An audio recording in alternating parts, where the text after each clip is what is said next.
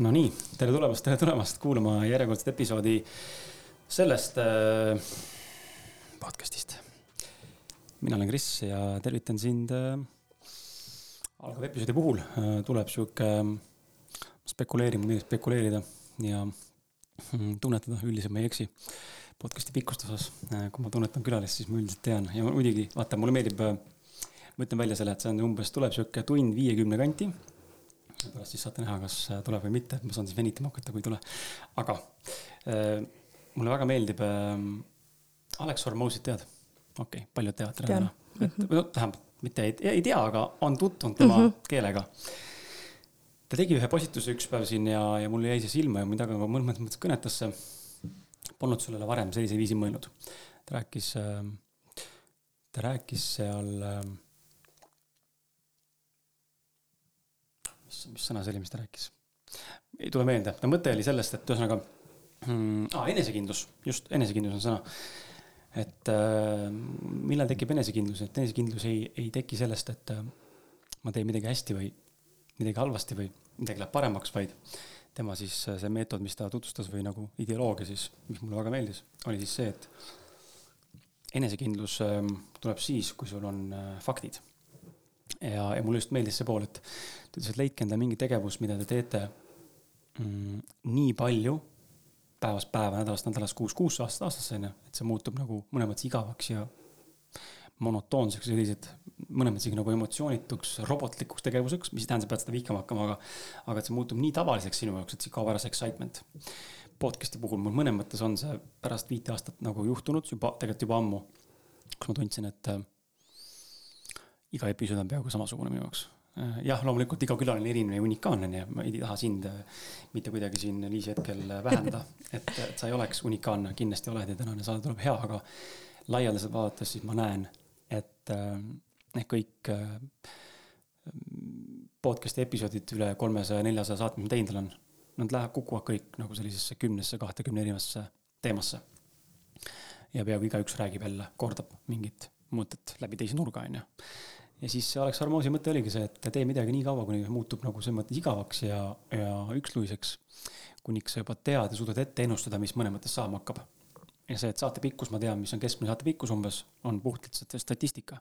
sest ma näen seda, noh, podcast'is, podcast'i, podcast'i on ju, tuleb kogu aeg sama number peaaegu. ja sealt on see ka enesekindlus selle koha pealt just selle näitena, et ma tean täpselt umbes, mis raamistikku me täna kukume, on ju mis ei tähenda, et ei võiks tulla kuskilt neid kõrvalekaldeid, kas siis lühem või pikem saade, on ju aga see on hästi huvitav, et see oli, just meeldis see mõte mulle. et enesekindlus tuleb nagu faktidest. ja kuidas sina, kuidas sulle see mõte tundub, ma ei tea, kas sa sattusid sellele postituse peale, mitte, võib-olla see oli mingi vanem postitus, mis üles visati kuskilt. aga oled sa nagu sama meelt, mis äh, Alex mainis mm,? jaa, tere, olen.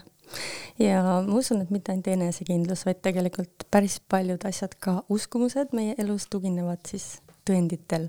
ehk nagu üks mu suur lemmik Erik Edmits ütleb, it eats evidence, see sööb tõendeid, niikaua kui on tõendeid, see saab kasvada, et nii on. aga sinu puhul mulle tundub ka see, et sa oma selle pika kogemuse jooksul oled õppinud inimesi nii hästi tundma ja lugema, et juba see viisteist minutit, mis me siin enne jutustasime, sa tegelikult ju tajud, kuidas ma räägin, kui pikad laused mul on ja võib-olla see on ka see, mis annab sulle kuidagi selle tunnetuse, et kui pikk see saade parasjagu tuleb mm,. jaa ja see annab ka võib-olla mõnes mõttes tunnetuse üldse sellest, mismoodi saade hakkab üles minema, kui me, kui avatud ta on on ju, kui palju ta ise tegelikult mhm. suudab jagada, palju ta tahab jagada või vastupidi, kui kinnine ta on, et noh, kui on ikkagi, sinu puhul ma täna näen, et sa ei ole kinnine inimene.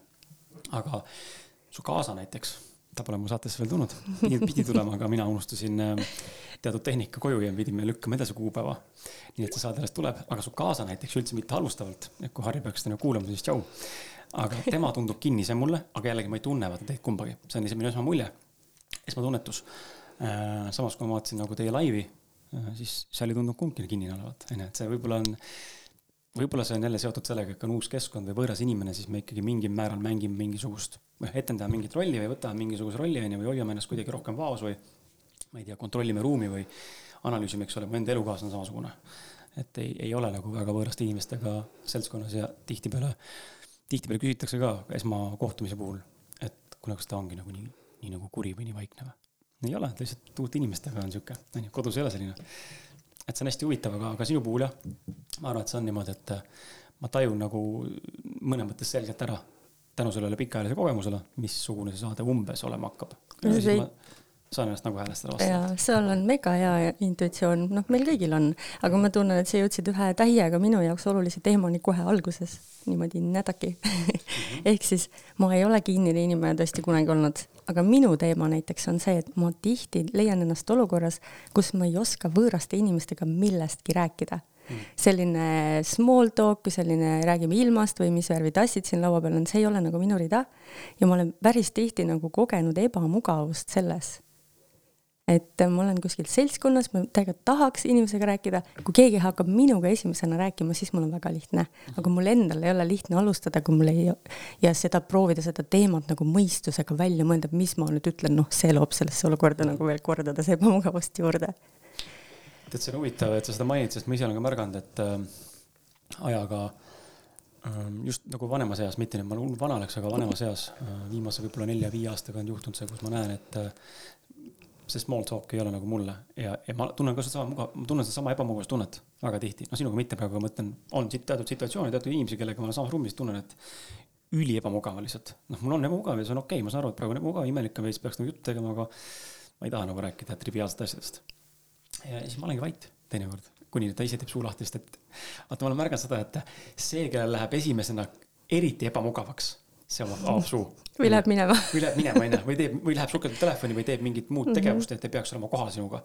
aga üldiselt jah ma olen näinud seda, et äh, esimesena annab alla mõnes mõttes nagu, mitte see võistlus, aga annab alla see, kelle eba, eriti ebamugav on. ja, ja ma olen võtnud selle fookusesse enda jaoks, ma ostsin endale ühe raamatu, mille nimi on, et kuidas rääkida ükskõik kellega.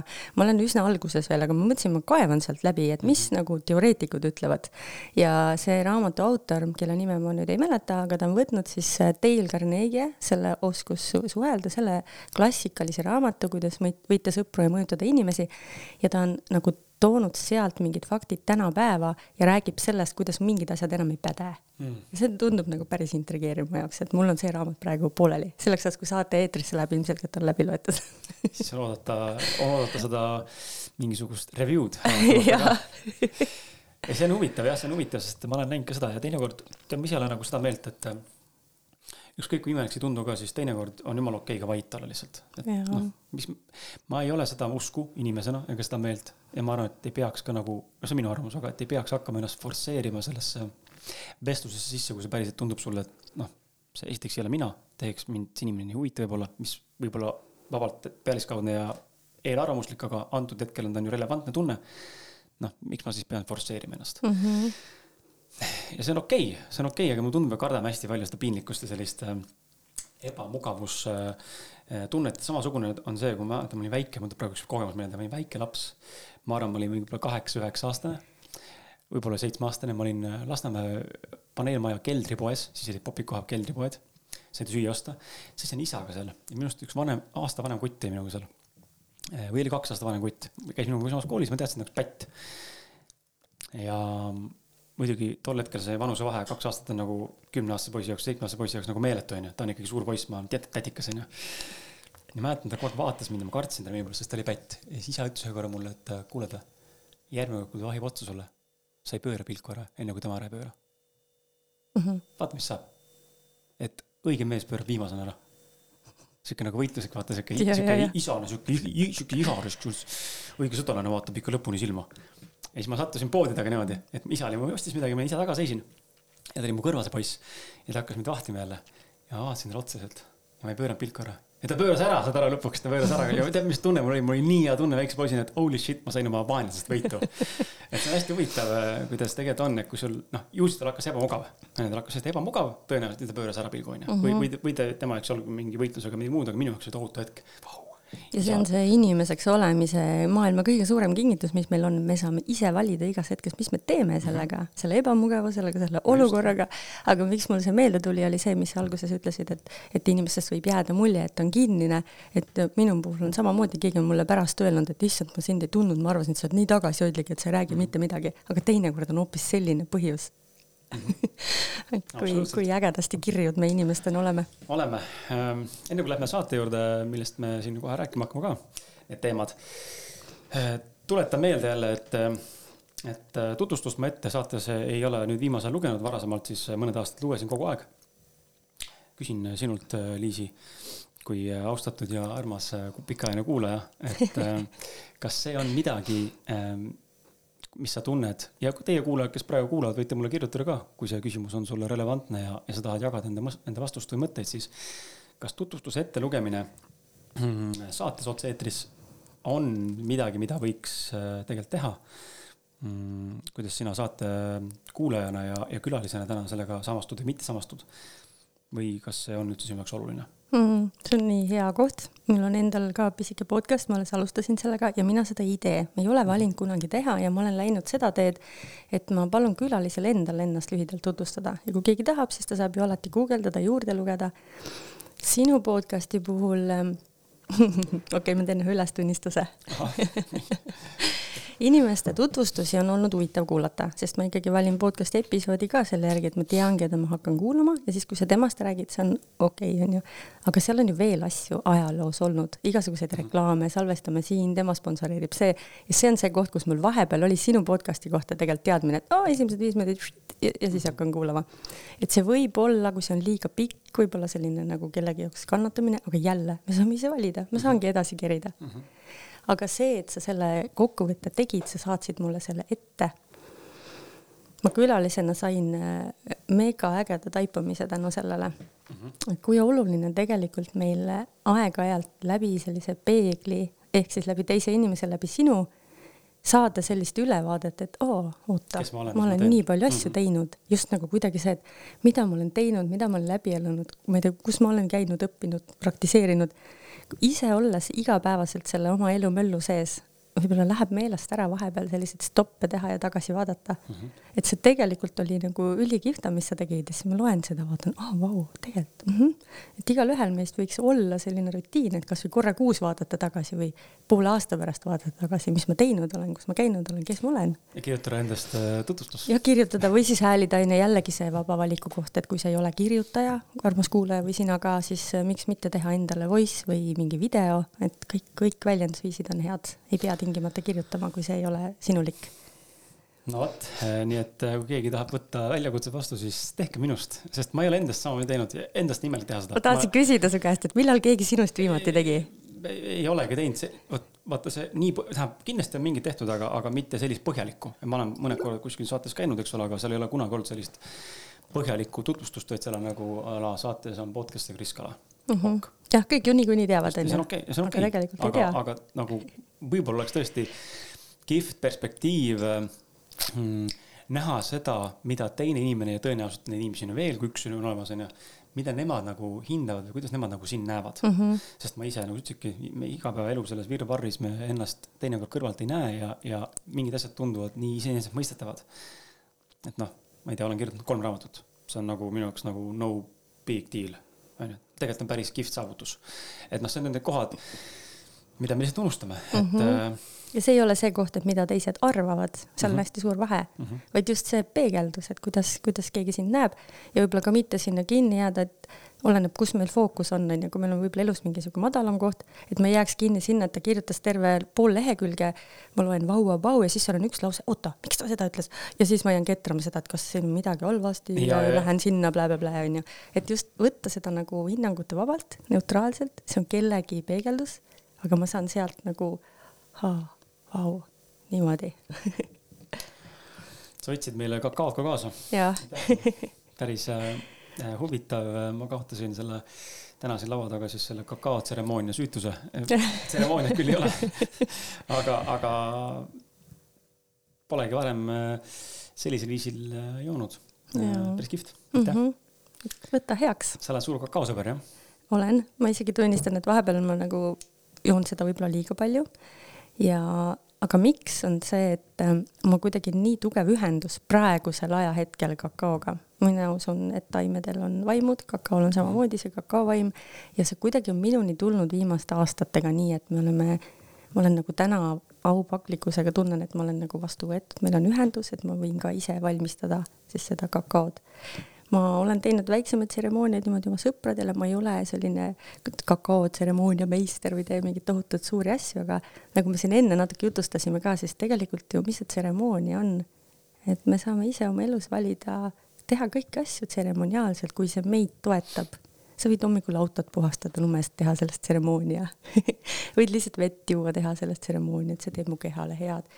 mis see tseremoonia oma olemuselt on, ma näen, et on nagu natukene pidulikum hetk ja see eeldab kohalolu, et ma päriselt tulen kohale ja joon siis seda kakaod või, või joon vett või triigin pesu või mis iganes ma teen.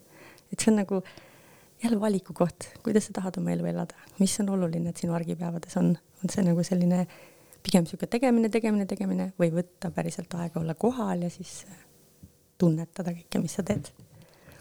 selle kakao osas äh, tahtsin küsida, kuidas sul on siis, kas äh, need äh, dopamiinid ja endorfiinid ja oksüdotsiinid ja afrodisiaakumid kehas möllavad, et äh, eks nad äh, saavad muidu ka luba möllata, et ma olen oma enesearengu aastatega kasvanud küll sinna, kus ma luban olla emotsioona-, emotsioonidel ja tunnetel ja iseendal sellena, kes ma olen. kindlasti on hetki, kus ma olen ka maskidega teinekord. aga ma nagu seda nii väga ei tunne, et ma peaksin tarbima midagi, et olla kuidagi, et olla, ma ei tea, rõõmsam või toredam aga ta on kuidagi nagu selline minu sõber, see kakao, et ta nagu meeldib mulle, me sobime et ma ei otsi nagu sellist jah, et kuidas ta mõjub või mis ta kehas teeb, et et kes teab, siis sellisel äh, puhtal toorkakaol ongi südant avav toime, mis tegelikult teebki olemise nagu mõnusamaks ja sa võid tunda tavalisest suuremat armastust, aga ei pruugi. ja kakaol on omadus ka tuua tegelikult välja see, mis on sinu sees praegu üleval, et sa võid ka kogeda täiega suurt kurbust, kui sa seda tarbid mm, -hmm. nii et hea ja. on lihtsalt siin olla kohal ja tähele panna, et mis ta sinuga teeb. ja, ja, ja võib-olla meestele pool naljaga ka, muidugi see on tegelikult tõde, aga et mitte ainult, mitte ainult meestele, vaid meestele, naistele, aga meestele on see olulisem, ma arvan, sest et enamus mehed on lihtsalt perverdid, aga et ähm, seksuaaliha võib ka tõusma hakata sellega, nii et ähm, no sihuke armastuse, armastuse soov või armastuse jagamise soov äh, võib tekkida, nii et mehed, olge valmis kakaod jooma siis varsti. jah, kakaoidiis et ähm, no vot, no vot siis sihuke mm., sihuke see pull ongi ja mis sa mainisid seda, et kui jood, vaata, sa oled kohal ja, ja, ja üldse tegevusi teed nagu tseremooniaga, eks ole, nii-öelda kohaloluga ja ma läbin praegu tantrakursust. Poleks iial uskunud, et ma lähen tantrakursusele mm.. lihtsalt kõnetas mind see inimene, kes seda teeb ja, ja mulle jäi nii hästi kõrvu sealt, et kui sihuke lause jäi tal mm, videos äh, erinevate näidete kohta onju, et kui mees sööb, siis mees sööb kui mees seksib oma naisega, siis mees seksib oma naisega. või, või kui mees teeb tööd, siis mees teeb tööd, onju. mees peseb autot, siis mees peseb autot. ja nii edasi, et olla kohal nagu selles tegevuses kogu aeg, onju. et on teatud tegevused, milles mina täna kohal ei ole, on toimub multitasking. ja väga palju tegevusi, kus ma olen kohal ja ma naudin. üks neist on auto pesemine, ma mõelnud auto, autopesijaks minna päriselt, ma olen mõelnud, et nagu lihtsalt mulle nii väga lihtsalt meeldib autosid pesta, mulle meeldib koristada, ma nagu imelik isegi öelda, mulle meeldib koristada, täielikult meeldib koristada mm. -hmm. nii et võib-olla peaks minema kuskile hotelli koristajaks. aga miks mitte? No, mulle tundub, et see kursus on sul vist meeste kursus mm. -hmm. et mees teeb ja mees teeb, aga Ain miks me peame üldse vahet tegema, kas mees või naine? me oleme kõik inimesed, ülihea on olla kohal ja teha mm -hmm. asju kohalolus. ja oh, seda multitasking ut, seda tuleb ju ikka ette ja see on see meie ühiskonna nii-öelda ma ei taha anda hinnangut, et see on kuidagi haigus või halb, see on lihtsalt praegu nii, meil on selline mhm. reaalsus, kus meil on ülipalju segajaid ümber ja jällegi see inimeseks olemise vastutus. mina saan valida, mis ma teen sellega, kas ma kaon sinna sisse ära ja kaon ikka ära, vahest hommikul mm -hmm. teed silma lahti, juba on telefon peos, siis mõtled, oota, mida ma teen, mida ma otsin siit, jah, mida ma siit otsin. et jällegi, see on, need on need hetked, kus me ei ole olnud kohal ja kuidagi ka olla endaga leebe selles, et okei okay,, ma ei ole kogu aeg kohal, võiks olla püüd, et ma olen, aga ma olen inimene, ma sellepärast olengi sündinud siia inimese kehasse koos kõigega, mis on inimeseks olemine, kõik meie egod, igasugused, ma ei tea, veidrad asjad, mis meil võivad elus nagu nii-öelda distract ida, aga see on see tervikkogemus mm, -hmm. inimeseks olemise kogemus kui ma oleks keegi, kes kogu aeg ainult tahaks olla kohal sada protsenti, siis me võikski võib-olla elada kuskil kloostris, olla isoleeritud. siis äh, isoleeritud, et ei ole neid igapäevaelu asju, sa saadki keskenduda ja saad olla. ja selliseid kogemusi on ka tore valida vahepeal. aga igapäevaelus kuidagi ma näen, et nii oluline on olla nagu endaga leebe. et mina olen mina ja ma tean, kus ma saan paremaks ja mis mind elus häirib, sellega on vaja tegeleda.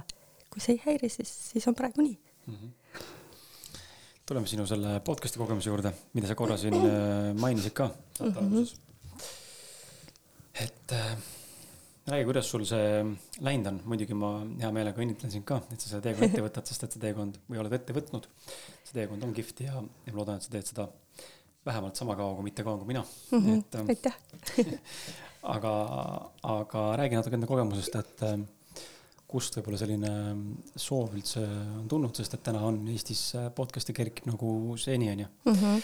seeni peale vihma, et neid on lihtsalt väga palju tänavu versus selle ajaga, kui mina alustasin. Neid oli võib-olla viiskümmend tükki ainult, kuuskümmend tükki onju, täna on neid üle kolmesaja minu meelest, kui ma õigesti mäletan, isegi korra vist lugesin kokku kuskilt. Neid on väga palju ja muidugi kõik ei ole aktiivsed, et ähm, podcast'is on ju see kuldreegel, et kolmteist saadet on see episood oh,. seda ma ei teadnudki. et kolmteist, kolmteist episoodi on see nii-öelda see piir, kust maalt kas jäetakse pooleli või minnakse edasi mm.. mingi okay. sihuke statistika on välja toodud kuskilt see ei pruugi Eesti kohta käia, aga üleüldiselt globaalselt nii-öelda. et räägi enda kogemust natukene ja, ja mis, mis, mis podcast see nagu on mm? -hmm. hõika välja ja kutsu inimesi kuulama ja. jaa, hea meelega. see podcast'i inspiratsioon pärineb ühelt naiselt, kes tegelikult ise veel ei tea seda, ma kavatsen ta üles otsida ja saatesse kutsuda. me tegime eelmisel aastal koos kahe teise vägeva naisega oma kodukandis selle mm, Harjumaal siis sellist enesekindlama naise sündmuste sarja, mis oli siis päriselu kohtumised, saime naistega kokku, meil olid seal teemad. Ja need inimesed, kes tulid, siis iga kord sai keegi ka võimaluse jagada seda, mida ta teeb, mis on tema äri või selline mhm. hobi nagu, mida tema käest nii-öelda siis osta saab ja seal oli üks imearmas naine, kes hästi tagasihoidliku häälega rääkis, et äh, tema on avastanud selliseid ökomähkmeid ja ise välja töötanud need ja noh, tegelikult need on juba Saksamaal müügis ja siis ma kuulasin seda ja mõtlesin, vau. ja see oli see hetk, kus mul läks see pirn põlema, et kui palju meie ümber on neid päriselt inspireerivaid lugusid, mis tegelikult ei jõua väga kaugele, mhm. sest need inimesed ei ole ise tuntud või nad ei taha tuntud olla. või nad ei taha tuntud olla, just. et siin on ka jälle valik, et keda ma podcast'i kutsun, kes tuleb, kes ei tule, onju. ja see oli eelmisel talvel ja mul läks ikka aega, enne kui ma jõudsin selle äratundmisena, et see just podcast saab olla. mul oli samamoodi natuke see mul on kuidagi hästi suur teema igasuguste massiasjadega mm. -hmm. kuskil on mingi massiasi, siis ma ei taha sellega kaasa minna, sest et noh, miks ma pean tegema nagu teised, onju. mingi see rebel on seal sees teismelise ajast, kes tahab nagu teha omamoodi ja teistmoodi aga vaata selle podcast'i loomise puhul mul ei olnud üldse seda kohta, ma ei näinud seda nii, et ma panen ühe podcast'i siia turule juurde kõikide nende teistega kuidagi mhm. võistlema. vaid mul oli see tunne, et ma tahan, mina saan luua, mul on võimalus luua see kanal, kus sellised inspireerivad lood saavad välja tulla. ja ma avastasin seda kuskil vist juunikuus, et oh, see võib olla podcast ja see tuli jälle niimoodi, et me tegime ühe, Wildfit on siis üks äge terviseprogramm, tegime selle sündmuse ühes restoranis koos ägedate sõpradega. ja ma kutsusin sinna külalisi nagu diivanile vestlema ja ma intervjueerisin neid nende enda soovil, nad ei tahtnud üksi laval olla kõik. ja siis mul oli see, oh vau, mulle nii meeldib see, mul tuleb täiega hästi välja, nagu ma nautisin seda onju. ja, ja siis vot läks veel natuke aega mööda, kui ma ütlesin oma abikaasa Harrile, et kuule, et ma tahan podcast'i teha, davai noh, tema on alati kõiges toetanud mind, onju, kohe toodi tehnika koju, sain sünnipäevaks omale kõik asjad, et palun hakka pihta. tänaseks on mul väljas viis episoodi ja ma saan kogu aeg taipamisi mul oli alguses see tunne, ma ütlesin ka välja, et oh, ma teen siin, lasen oma, kutsun oma sõbrad või siuksed inspireerivad inimesed, kes saavad jagada ja kuulab, kes kuulab ja ma saan aru, et mul tekib tegelikult see ambitsioon, et ma tahan, et see saaks rohkem kuulajaid. sest vaata, seal on nagu see trikikoht, et okei okay,, ma nüüd lõin kanali, kus saavad inspireerivad lood välja, aga kuna ma ise ei ole nii tuntud, siis sellel ei ole ka nii palju kuulajaid, ehk siis nad ikka päriselt ei saa välja. ja ma olen alguses mõelnud, et ma kutsungi ainult eh, noh ei oska seda isegi nimetada, tavalisi inimesi, me kõik oleme tavalised, no kes ei ole tuntud. aga ma täna näen, et mul tegelikult on tunne kutsuda vahepeal ka kedagi, kes on tuntud, just selle mõttega, et see saaks paremini levida. et kui ma näiteks toon välja ägeda mehe Raivo Johansoni, kes tegi siin see Kindel mees podcast'i oma sõbraga koos, tegid esimese episoodi, kohe oli tuh, mingi tuhandeid kuulajaid onju, sest tema ise on tuntud ja see läks nagu juht neil nagu rakett onju, siis mul ei olnud ka seda ambitsiooni, et see peaks niimoodi lendama, aga ma saan praegu aru, et mul tekib see, ma tegelikult tahan, et see kasvaks, ma tahan teha seda hästi. ja mida ma kõige rohkem naudin? Mulle üldse ei meeldi see editimise pool, oh my god, ma lihtsalt nagu, õnneks on mu abikaasa nagu maailma parim tehnokraat ja ta aitab mul seda teha. aga ma naudin seda hetke, mis oli täna siin kui sa paned selle nupu käima, et davai, ja see vestlus algab, sa unustad ära selle, et sa midagi üldse salvestad ja see kuidagi külalisega kontakti loomine, see ruumi hoidmine, see, kuidas me saame päriselt vestelda ja usaldada seda, mul oli alguses, käis läbi selline hirm, et aga mis siis, kui inimene räägib midagi, millele ta pärast hakkab kahetsema, et ma tegelikult ei taha, et see on avalik. aga usaldada seda, et see tuleb saatesse, mis on okei okay,, et on avalik. et seal on nii palju kihte, ma ei tea, kas sa ise mäletad enda algusest, kuidas sinul oli, sa vist ei alustanud päris üksi, onju. Aga ma näen, et see on nii suur sisemine kasv. et seal on kaks asja, et üks on seal need vestlused, päriselt see sisu, mis sealt tuleb, kui palju väärtust see saab luua pluss see, et ma ise sisemiselt nii palju kasvan, ma hakkan tahtma rohkem mm. -hmm. see on nagu täna see koht, kus ma olen, et ma homme lähen salvestama siis kuuendat episoodi.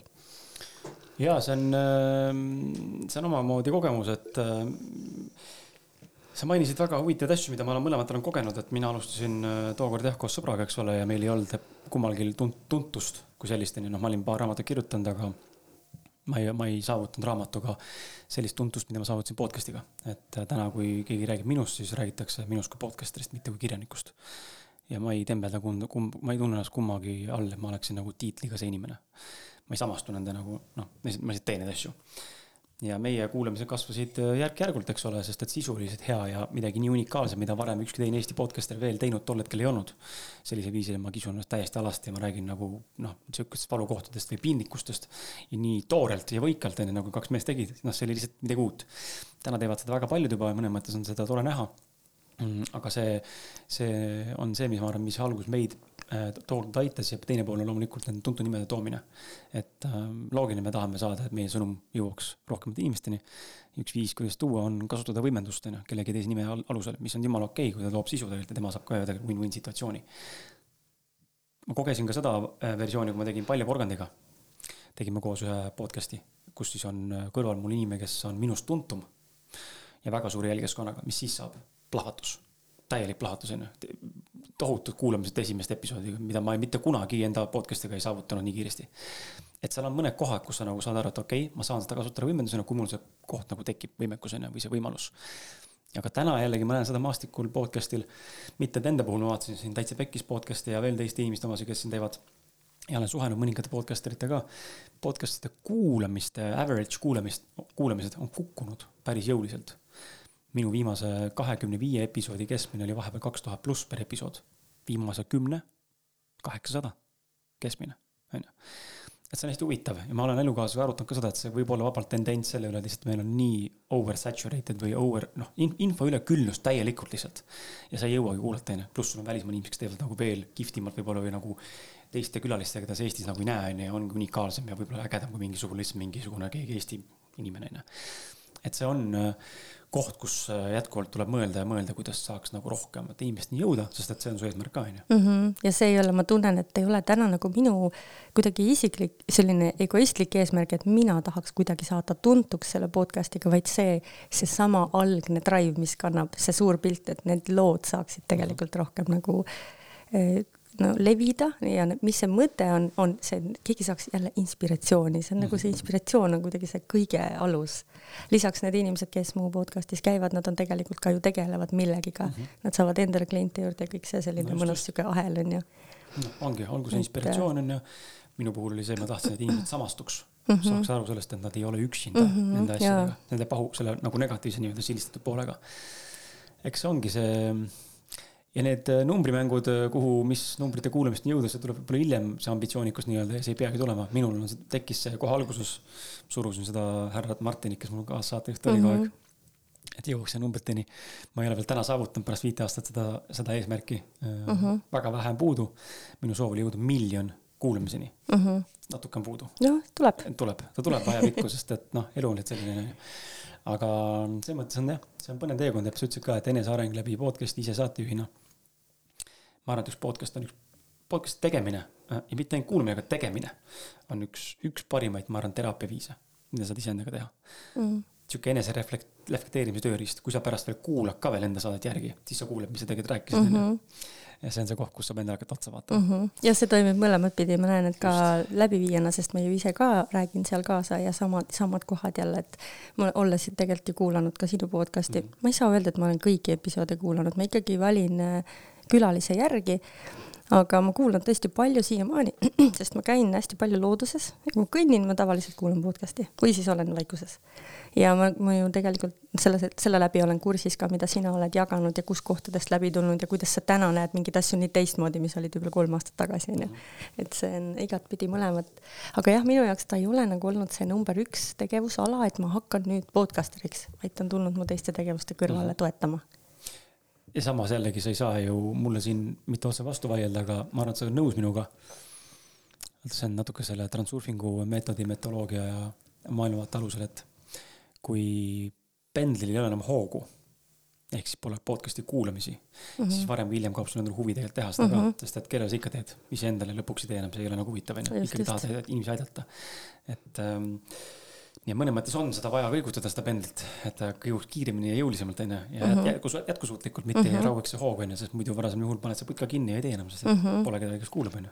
nii et äh, aga millest äh, see podcast siis räägib, tegelikult räägib julgusest ja podcast'i nimi ongi Julgus valida muutust. ja see on ka tulnud sellest, et ma olen ise teinud äh, väga mitmeid suuri kannapöördeid elus ja ma mäletan, kui raske see oli vahest. Ja kuidas mul oleks olnud vaja tegelikult kedagi kõrvale, aga ma olin selle koha peal, et ma ei läinud abi küsima, punnisin ise läbi sealt. ja see inspiratsiooni koht minu podcast'i külalistest tulebki see, et sa võid, hea kuulaja, ennast pakkuda mulle külaliseks. ainukene tingimus ei kõla hästi, aga okei okay,, ütleme selle kohta tingimus, on see, et sul on mingi julge muutuse koht, mida jagada, millest sa ise oled õppinud, millest sa oled läbi tulnud. see on tegelikult läbiv joon selles no vot siis äh, minge vaadake, äh, kuulake, subscribe ige, liituge, pange follow'd, äh, mis iganes te teha tahate podcast'i puhul, kuidas see täna käib, ma ei tea. aga andke, andke tuld, andke märku, et te olete Liisi jaoks olemas mm,. Yeah. Lähme edasi sinuga, hakkame enesearengu rada pidi minema, me oleme siin kakskümmend, kolmkümmend minutit vestelnud sinuga. aeg lendab, onju. noh, eks. et äh, lähme, lähme selle juurde, et äh, ma vaatan seda holistika nime, siis mul läheb süda pahaks mõnes mõttes uh. -huh. mõnes mõttes, heas mõttes ja halvas mõttes, et nii paljud läbivad seda programmi. ja, ja ma kuulan seda üha rohkem ja rohkem, eks ole, kuidas inimesed lähevad sinna, inimesed tulevad sealt osad elud lähevad edasi selle teemadega, osad jällegi võtavad seda lihtsalt, kui ongi kogemust iseendale ja, ja see ei ole nagu väljund nii-öelda karjääri või mingisuguse mm -hmm. elu loomiseks, onju. et äh, ma tahaks sinu seda teekonda kuulata, miks just holistika sind nagu paelus, mis seal siis sinu jaoks selle sinu, sinu tunde, sinu vaatevinkli põhjus, et mis sellest nii erilist on, et inimesed tahavad sinna minna mm? -hmm. kas ta on tõesti nii tasemel või on see üks suur haip, kui kõik jooksevad tormi, nagu sa ütlesid, ei taha olla mass, eks ole, aga, aga see spirituaalne või sihuke enesearengut otsiv ja soosiv inimene on ka mõnes mõttes mingi kogukonna mass. et kas ta läheb sinna selle tundega kaasa, sest et see tundub olevat miski, mis kõigil toimib. või, või kuidas see sinuni jõudis ja mis sa õppisid sealt ja räägi natuke seda teekonda, miks see on sinu jaoks üks olulisemaid äh, punkte, mida ära märkida võib-olla mm. -hmm. me räägime siis Holistika Instituudist, mis toimetab äh, Tallinnas ja sai just kahekümne viie aastaseks, sel aastal saab. see eellugu siia on see, et mina olen inimene, kes armastab luua endale neid äh, visioonitahvleid. ma päriselt teen seda vana kooli meetodil igal aastal, võtan siukse suure plaadi ja siis tunnetuse põhiselt kleebin sinna pildid ja sõnad ja sõnumid, kas lõikan ajakirjadest, viimasel ajal prindin mm. Pinterestist. ja see on nagu see minu järgmise aasta loomine, seda ei pea üldse tegema aastapõhiselt, sa võid oktoobris ka teha vabalt või iga nädal aga mina armastan neid teha. ja kui ma täna vaatan enda viimase kolme aasta tahvleid, siis ilma naljata, kõik on olemas, see kõik on tulnud mu ellu, mis seal on. ja see ei ole see koht, kus ma panen need asjad tahvlile ja siis ma jään sinna kinni, et millal see nüüd tuleb, kust see mulle sülle kukub. vaid kuidagi see on see lahtilaskmise koht, tunnetan, et see on see, mida ma päriselt tahan, ma praeguse teadlikkuse juures tunnen, et ma päriselt tahan seda. kas see on sama asi, mida ma vajan, noh, vahel ei tea, onju. ja Holistika Instituut oli minu tahvli peal esimest korda vist kolm aastat tagasi ja mul läks isegi neli ja mul läks päris mitu aastat, enne kui ma sinna jõudsin. esimene põhjus. kuidas sa seda tahvlile panid, sõnaga või kleepisid majast pildi või? vist oli logo mm, okay. jah, see tahvel on kuskil alles ka ja ma olen hästi visuaalne inimene, ma näen mediteerides pilte ja kõik asjad eelkõige läbi pildi. ja aga ma ei teadnud sellest palju, mida seal tehakse, mida seal üldse õpetatakse, aga kuskilt ta tuli ja siis ta jäi sinna tahvlile, aga see, ma ei valinud seda kohe ära. esimene põhjus, miks ma ei valinud, oli see, et ma käisin siis päevatööl ja holistikaõpe toimub siis üle kahe kuu, on selline neljapäevane moodul, mis on siis ka neljapäev-reede. ehk ma oleks pidanud tegema mingeid eridiile oma tööandjaga. ja mul kuidagi endal ei olnud seda kohta, seda valida, oleks saanud muidugi, mul oli hästi tore tööandja. ja ma tegingi ühe sellist, sellise suure muutuse siis oma elus äh, eelmise aasta alguses, tulin ära palgatöölt ja sa naerad. see on see hirmukoht enamik inimestel onju. ma ise olen täna sellesama asjaga küsis uh. -huh okei okay,, räägime sellest, aga mitte eelmise aasta, vaid vabandust, see oli juba kaks aastat tagasi, sest Holistika Instituudi üheaastane õpe mul tänaseks on juba läbitud. ja siis ma avastasin, et oo, aga nüüd mul on aega ja mul oli ka võimalik äh, finantsiliselt võttagi endale see vaba aasta, ma võtsin endale aasta iseendale. ja siis tuli mul see piir, nagu nüüd ma saan minna, nüüd mul on aega. ja ma läksin ja loomulikult nii nagu elus on toetatud teekondade puhul, toetatud teekond on miski, mille, mida ma sõnastaks niimoodi, et äh, kõik sujub. sa mõtled, et ma teen seda ja kõik sujub. näiteks nagu, ma ei tea tahad minna sealt üle tänava ja järsku on sul roheline tuli, tee on vaba, lumevall lükatakse eest ära, kõik lihtsalt lähed. ja see oli nii toetatud teekond, et mitte ükski kuupäev ei kattunud mingi ühe teise plaaniga, mis mul oli, kõik sobis nagu lihtsalt mine. See oli esimene märk, nagu see sisetunne ütles, et ma pean minema ja see oli esimene, et nüüd on õige aeg. aga kuidas sa, vahepeal segan vahele, kuidas sa aru saad sellest Äh, justkui kuulaja mõtleb ka kaasa sinuga praegu, et mm -hmm. okei okay,, toetatud teekond, aga kust ma tean, kas see teekond praegu on toetatud mm? -hmm. et kas sa enda jaoks oled nagu kaardistanud ka selle, et see peab olema juhtumas, et, et see toetus peab realiseeruma või materialiseeruma siin sinu füüsilises maailmas täna mm -hmm. silme ees esimeste mingite sammudega või, või see on okei okay,, kui see on hilisem sammud või kuidas sa enda jaoks defineerid, et aa vot see ikkagi ei ole toetav mm. -hmm. ma toon sulle seesama kuupäevade näite korraks ette rutates, ma läksin Holistika Instituuti, seal on siis äh, üheaastane kursus, aasta ja kaks kuud on siis äh, aasta iseendale. see on selline põhi enesearengu aasta, tšakrapõhine, lähed seal teemade kaupa. ja sellele järgneb siis teise astme õpe, mis on kolm aastat äh, holistilise regressiooni terapeudi õpe holistiline regressiooniteraapia tegeleb siis eelmiste eludega, mineviku, lapsepõlvetraumadega, et kõike seda siis eh, noh, nii palju kui vaja pinnale tuua ja et me saaks oma elu nagu nendest, noh, nendeta siis jätkata või kuidagi sõbraks nendega saada. ja mul oli kohe see tunne, et ma lähen nüüd ja teen selle neli aastat. ja vahepeal tuli asju, millest ma räägin võib-olla hiljem. ja siis, kui sel sügisel oli aeg valida see terapeudi kursuse algus, siis ma vaatan sinna peale ja noh, tunne ei ole, et okei okay,, ma ju tahtsin, aga vahepeal on nii palju muutunud. ja vaatan kuupäevi, kõik asjad olid nagu nihkes mu reis oli samal ajal, mingid teised koolitused olid samal ajal. no ühesõnaga, seal ei olnud kergust, ma oleks pidanud hakkama tohutult ümber mängima kuidagi ja ma tundsin, et seal on see pressimise energia ja selle pealt ma ei taha minna. ehk siis mina näen seda nii, et toetatud teekond on see, kui kõik sujub. ja Holistika Instituut tuli nüüd, tuleb jaanuaris välja siis Äh, muidu oli nii, et aasta iseendale ja kolm aastat terapeudi-õpet, aga nad teevad jär-, jätkukursuse esimest äh, korda nendele, kes ei taha minna päris terapeudiks, aga tahavad jätkata. see hakkab nüüd jaanuaris mm. ja ma teadsin, et see tuleb, ma nägin, äh, me olime reisil, ma nägin seda, et see tuleb. regasin ennast ära, abikaasa ütleb, et no vaata siis kuupäevi ka, ma ütlesin, ma ei pea vaatama. ja no ei peagi, mitte midagi ei klapi, mitte midagi ei kattu kuskil jälle. tunne on nii õige, kergus on sees, kõike saab mul ei ole seal veel vestlust toimunud, kas nad võtavad mind sinna vastu, aga noh, mul on tunne on õige, et ma nagu praegu saan sinna minna. sest praegu on oluline teha see üks õige samm ja see samm just. oli registreerida, eks ole, ja nüüd ja, sa ei saagi muud endast olenevat. jah, aga just see, kui ma vaatan terve selle aasta ja nelja kuu kuupäevasid mm, -hmm. siis mul kõik sobivad mm. -hmm noh, see on üks näide toetatud mm -hmm. teekonnast, onju, et kui sa pead nagu hakkama suruma või kuidagi hullult ümber minema või peaga vastu seina jooksma, siis see on see, et võib-olla noh, sinna ei peaks minema või saab kuskilt teist teed mööda et see on see toetatud teekonna mõiste, mis ma siin jagasin. ja ma tahaks sinuga nüüd äh, põrgatada seda, seda surumisteekonda ja toetatud teekonda onju, et mm -hmm. kui palju, ma küsin lihtsalt märksõnad, et me saaksime üksteisest paremini aru ja kui me mm -hmm. ei saa üksteisest paremini aru, siis ma teen sulle selle väikse illustratiivse ülevaate ka ja kuulajad samamoodi. palju ütleb sulle nimi David Coggins? ei ütle täna. Andy Frisella? ka mitte. Gary Vaynerchuk ma ei ole kuulanud väga palju välisesinejaid okay., nii et. Ehm, okei okay toon sulle lihtsalt näite siis sellest, et äh, väga lihtsalt, meil on see kergusteekond, elu toetab, onju, see on mm -hmm. täpselt mulle mõeldud, kõik jookseb, kõik asjad, kõik tähed, taevavõlvid, asjad, kõik joonduvad äh,. Transurfing, oled lugenud? olen lugenud, aga ei ole väga okay. kursis. Transurfing räägib ka põhimõtteliselt sellest nii-öelda, ütleme, mitte, mitte, mitte voolamisest, aga, aga just sellest, kuidas elu äh, ma valin kergusega mm, -hmm. mida mhm. ma tahan saada ja kui ma näen, et seal on mingisugune mitte otseselt takistus, aga, aga ei voola siis on vaja kas midagi muuta või see ei ole mulle, onju. ja nüüd on teine segment inimesi meie maailmas, enamus. kui me vaatame kasvõi klassikalist turundust, ma toon selle näite just meelega kuulajatele ka, siis kuidas kõik täna teevad turundust? põhimõtteliselt ühtemoodi tehakse, onju.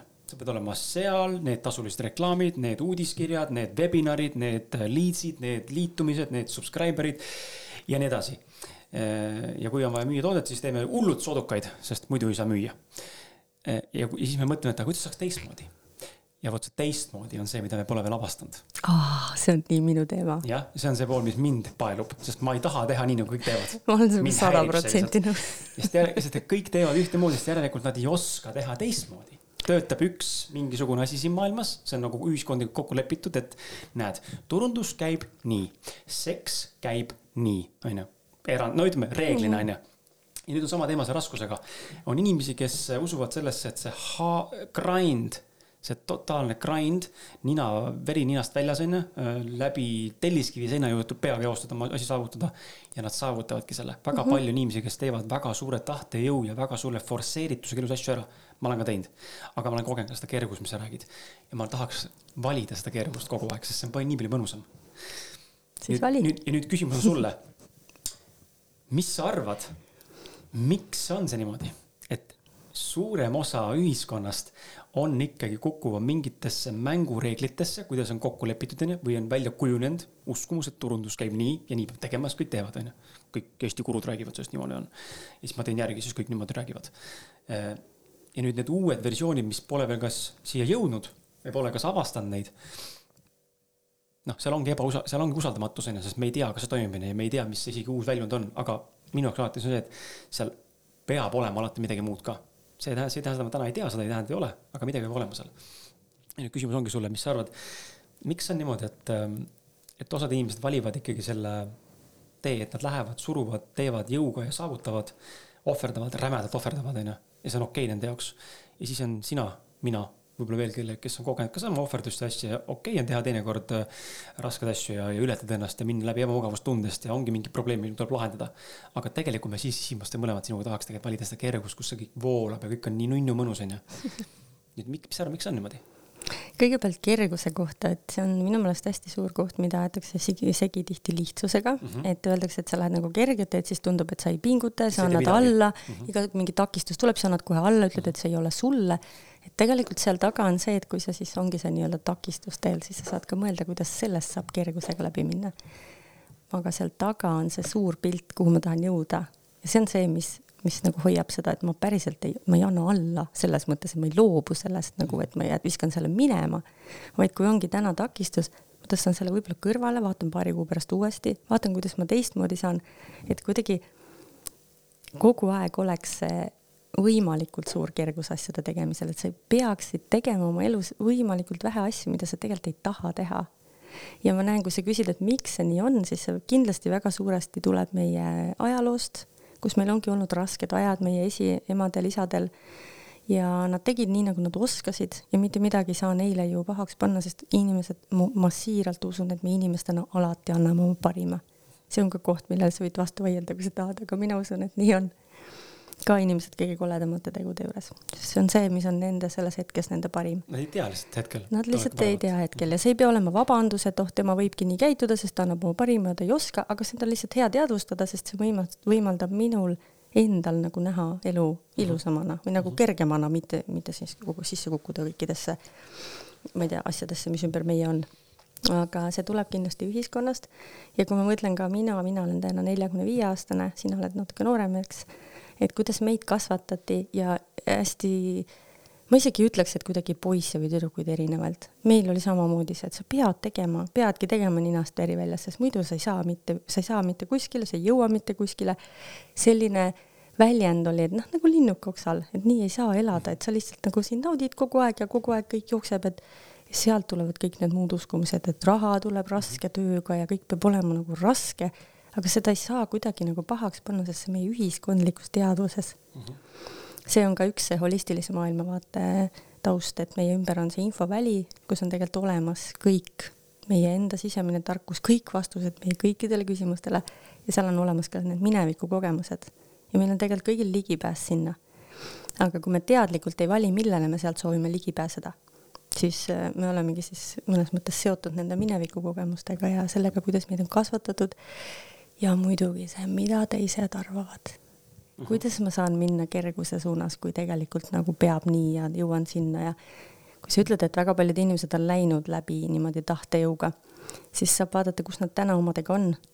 Kindlasti on neid, kes on nii-öelda ärganud ja hakanud märkama, et saab ka teisiti, aga kui palju on neid, kes on enese surnuks töötanud, teinud enesetapu, ma ei tea, alkoholi küüsis, narkootikumide küüsis. jah, nad on saavutanud võib-olla materiaalses maailmas selle, mida nad on tahtnud, aga küsimus on selles, kui sa lähed nagu kogu aeg peaga läbi seina, mida sa lood enda ellu, mida sa tunned iga päev, kui sa iga päev kogu aeg võitled ja tegelikult, mis see elu on, see on ju see igapäevahetkes elamine. ja selle kerguse või siis pressimise vahe minu jaoks ongi kõige rohkem see, et milline mu hetk, milline mu tänane päev.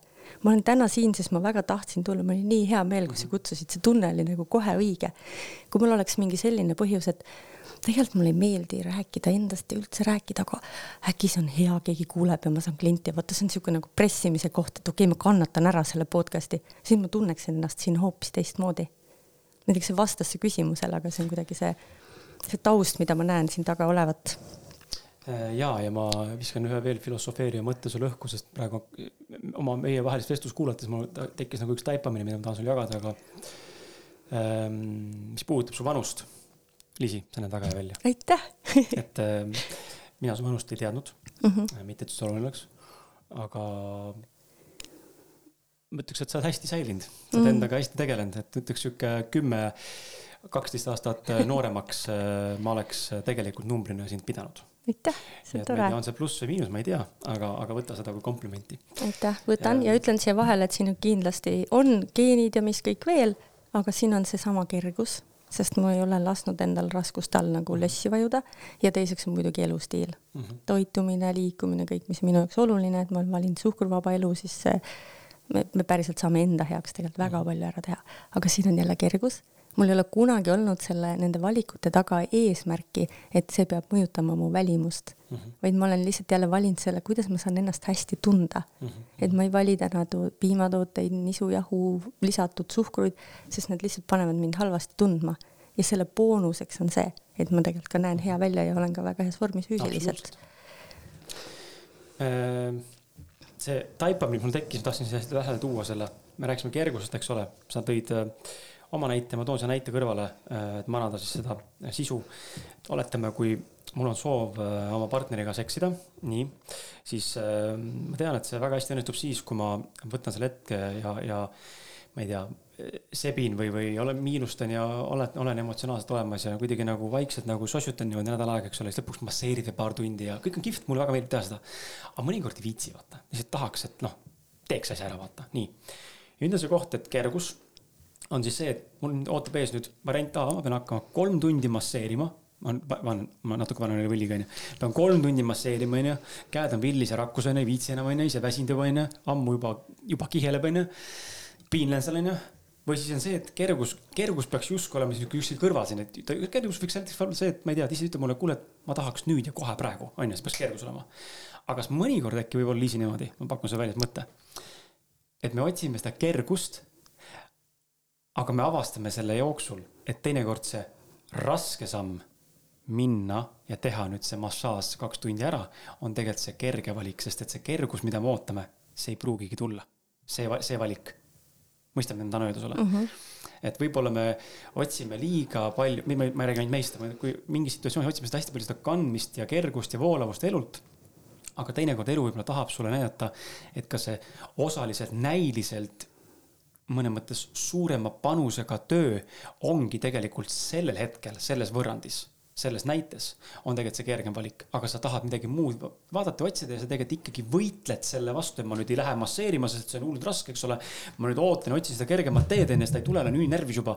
ma tegelikult võitlen selle vastu, mida elu tahab mulle öelda, aga võib-olla tee see kaks tundi ära ja sa saad, mis sa soovid. onju, kuigi see on minu effort kas sa oled mõelnud selle peale ka või? ma hakkasin praegu mõtlema, et võib-olla see nagu noh, et noh, me ei saa ju kõiki takistusi, kõiki probleeme eirata. ei, kindlasti. tuleb kasvada mõnes mõttes. ja me, ja ma ei tahagi seda öelda, vaat see on seesama kerguse sõna nagu kohati nagu, nagu teisiti mõistmine, et see ei ole see, et ma ei lähe ühegi takistusega nagu tegelema, vaid viskan kohe kõik kõrvale, otsin ainult, kus saaks ilma mm, -hmm. ei, see ei anna kasvu, vaata.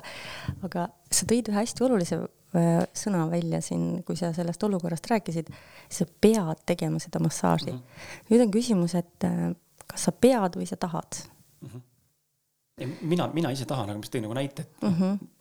et ütleme, et justkui pean nagu tegema, eks ole. aga kust, kust tuleb see pean, et kui me nüüd mõtleme seda, et kui palju me igapäevas on neid asju, mida me peame tegema, siis kui palju nendest on päriselt need, mida ma pean tegema ja kui seal on ainult see pean koht, kas selle saab äh, kõrvale tõsta ja teha midagi muud? Ma toon sulle selle näite, et sa, kui minna nüüd alguse juurde tagasi, ma olen ju kuulnud seda sinu lugu, kuidas sa kohtusid oma elukaaslasega ja kuidas sa teadsid kohe, et tema on sinu naine ja sinu laste ema, siis äh, sa tegelikult ju oled ta valinud, ehk sa tahad olla temaga koos mm. -hmm ja vaata selle valguses on nüüd võimalus vaadata, et seesama massaaž selleks, et jõuda kuhugi, kuhugi järgmise sammuni, mida sa täna soovid luua, kas see on see, mida sa pead või sa tegelikult tahad, sest see kaugem eesmärk, mis seal on, sa tegelikult ju tahad, sa tahad lähedast suhet ja tahad olla oma abikaasaga koos. ja me saame kõik oma tegevused nii üle vaadata, kas on pean või tahan. noh, laste näide on hästi hea. võiks öelda, et noh, täna kutsuti sünnipäevale, aga ma ei saa minna, ma pean minema lapsele lasteaeda järgi.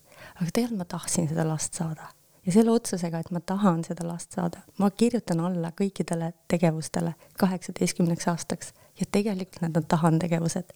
aga see on mõtestamise koht mm. -hmm. kuidas me ise anname tähenduse, meil on endal inimestena jälle see vastutuse koht ja vaba voli anda ise tähendus kõikidele asjadele mm. -hmm. aga mis puudutab seda seksuaalsuse teemat, siis ähm, jah, Holistika Instituut on üks päris hea koht, kus selle teemaga tegeleda, sest seal me õpe on tšakrapõhine ja seal on terve moodul pühendatud ka seksuaaltšakrale ja sealt tulevad tegelikult, äh, võivad tulla, kunagi ei tea, on ju, päris paljud taipamised selle kohta, miks on seks oluline, kust see tuleb, mis seal veel on, mis on üldse seks sinu jaoks ja kõik need kohad, et noh, lihtsalt tuli siia ääremärkusena juurde kuna sa ütlesid, sul läheb holistika sõna peal süda pahaks. peaks võib-olla kellegi äh, Holistika Instituudist kellegi looja või esirindes oleva inimese siia saatesse kutsuma. Marina Paula on selle, Marina Paula Ebert on selle kooli looja ja kuna koolil on kahekümne viie aastane juubel, siis kohe täitsa kindlasti, ma usun, et on kunagi ta on kusagil podcast'is esinenud ka. nii et äh, ja. Lähme edasi siit elu usaldamise peale mhm. -huh. ja tegin sulle vahemärkuse ka vahepeal siin korraks selle teemal, kui sa seda puudutasid, elusandamist. et ähm, see on pool, mis minu puhul täna sada protsenti ei ole veel selginenud või selgeks saanud, kuidas seda teha ja tähendab, ideoloogias äh,, intellektuaalselt ma ei saa aru, kuidas seda teha. aga vaata, elu on ikkagi juhitud emotsioonidest tihtipeale ja tunnetest ja, ja sinu sisemisest sagedusest või sinu enda tasakaalust ja mittetasakaalust kuidas sina enda elu usaldamist oled äh, mõnes mõttes õppinud? kas see on sul täna sada protsenti see, et sa usaldad täielikult äh, käsi kahel südamel, öeldes, et ma usaldan elu, äh, isegi kui ma, ma ei tea, peaks täna enda a la partneri kaotama või mis iganes juhtuma, eks ole, ma usaldan elu, et see nii pidi olema. ja teistpidi, kuidas sinna jõuda, kui kuulaja meid täna kuulab, mis võiks olla need mõtted, kuidas anda inimestele selle, selle, selle oskuse, need tööriistad ja, ja võib-olla julguse või, või tahtmise või usalduse usaldada et kuidas selle poolega on mm,? see on üks igavesti pikk ja vägev teekond olnud. ma näen, et elu usaldamise taga on, ongi julgus, julgus usaldada ja julgus alistuda sellele, mis on. ja kuidas ma sinna olen jõudnud ja kuidas täna on, ei, ma ei saa öelda, et ma usaldan elu sada protsenti, ikkagi on mingid hirmud veel aktiivsed ja eelkõige olukordades, kus me ei tea, mis tuleb, mis on jumala loogiline, sest me inimestena kardamegi seda, mida me ei näe tulemas ähm,. elu on mulle näidanud läbi elu, et ma olen alati hoitud ja ma sain sellest aru ka kusagil enesearengu tee algusel. ma olen pärit sellisest väiksest linnast nagu Rapla ja ma tulin hästi varakult ära kodust, mul olid emaga keerulised suhted ja tulin siis oma elu peale ja see oli üheksakümnendatel ja seal oli kõike, pidutsemist, hääletamist. aga ma tulin sellest läbi, minuga ei juhtunud kunagi midagi halba. mul oli vahepeal ei olnud raha, aga ma ei olnud kunagi näljas. mul olid alati inimesed ümber, kes hoidsid ja mul oli alati kuidagi selles eas ka, praegu kananahku, räägin sellest, sisemine tarkus kuulata oma sisetunnet. ma teadsin, et ma ei taha sinna Raplasse jääda, ma tahan tulla Tallinna. mul ei olnud, ma ei tea, kas mul ei olnud raha või ma ei raatsinud rongile kulutada, ma käisin häälega tööl mingisugune mitu kuud, enne kui ma Tallinna endale koju jõudsin, üheksakümnendatel. seal sai igasugu pulli ka, aga ma olen alati olnud hoitud ja terve. ja see eellugu sellepärast praegu jagamisele, et ma kuskil viis-kuus aastat tagasi jalutasin Raplas, mul isa elab siiani seal, ma käin seal nendel külas ja jalutasin seal linna peal ja järsku tuli mu see oh my god, ma olen nii hoitud olnud, mismoodi elu mind hoidnud selle juures, kus no mul ei olnud väga palju nagu tarkust kaasa antud kodust või kuidas üldse elada või kuidas ise hakkama saada või või ma ei tea, suhted meestega või kuidas rahaga majandada, no ei olnud, noh olid sellised ajad, minu vanemad andsid oma parima. Ja nii ma sealt kodust tulin ja kõige selle juures ma olen olnud täiesti terve, mul ei ole ühtegi mingit suurt õnnetust või ma ei tea, kehaga midagi juhtunud või mingit traumat, vaid ma lihtsalt tulin sellest läbi. ja see oli see taipamise hetk ja kuidas elu on mind hoidnud, kuule usalda, ma võin edaspidi ka usaldada.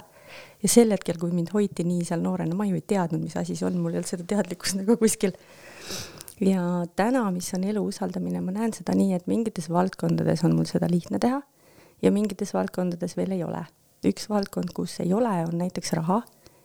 ma olen ka oma ettevõtjatee alguses ja ma märkan neid kohti, kus mul on mingisugune ettevõte või enda kontol, siis see summa hakkab vähenema, mingisugune piir on seal mis juba tekitab ärevust ja, ja ma ei oska niimoodi usaldada, nagu siin ühes eelmises episoodis olid sul siin äh, Liisa ja Meelis, Meelis Niglas, kes rääkisid sellest, et need noh, raha, et noh, küll tuleb, et usaldame ja siis tuleb ka, vot seda kohta mul veel mm. ei ole, ma tahan täiega liikuda sinna. aga mis puudutab usaldamist, mul oli hästi äge kogemus, me käisime, vist olime reisil ja käisime Tansaanias delfiinidega ujumas Sansibaril. ja ma avastasin ennast olukorrast ma ei ole väga hästi ennast tundnud nagu väga kindlalt äh, merel, õhus, kus ei ole kindlat maad, mida väiksem paat või lennuk, seda hullem. ma saan hakkama, mul ei ole nagu paanilist hirmu.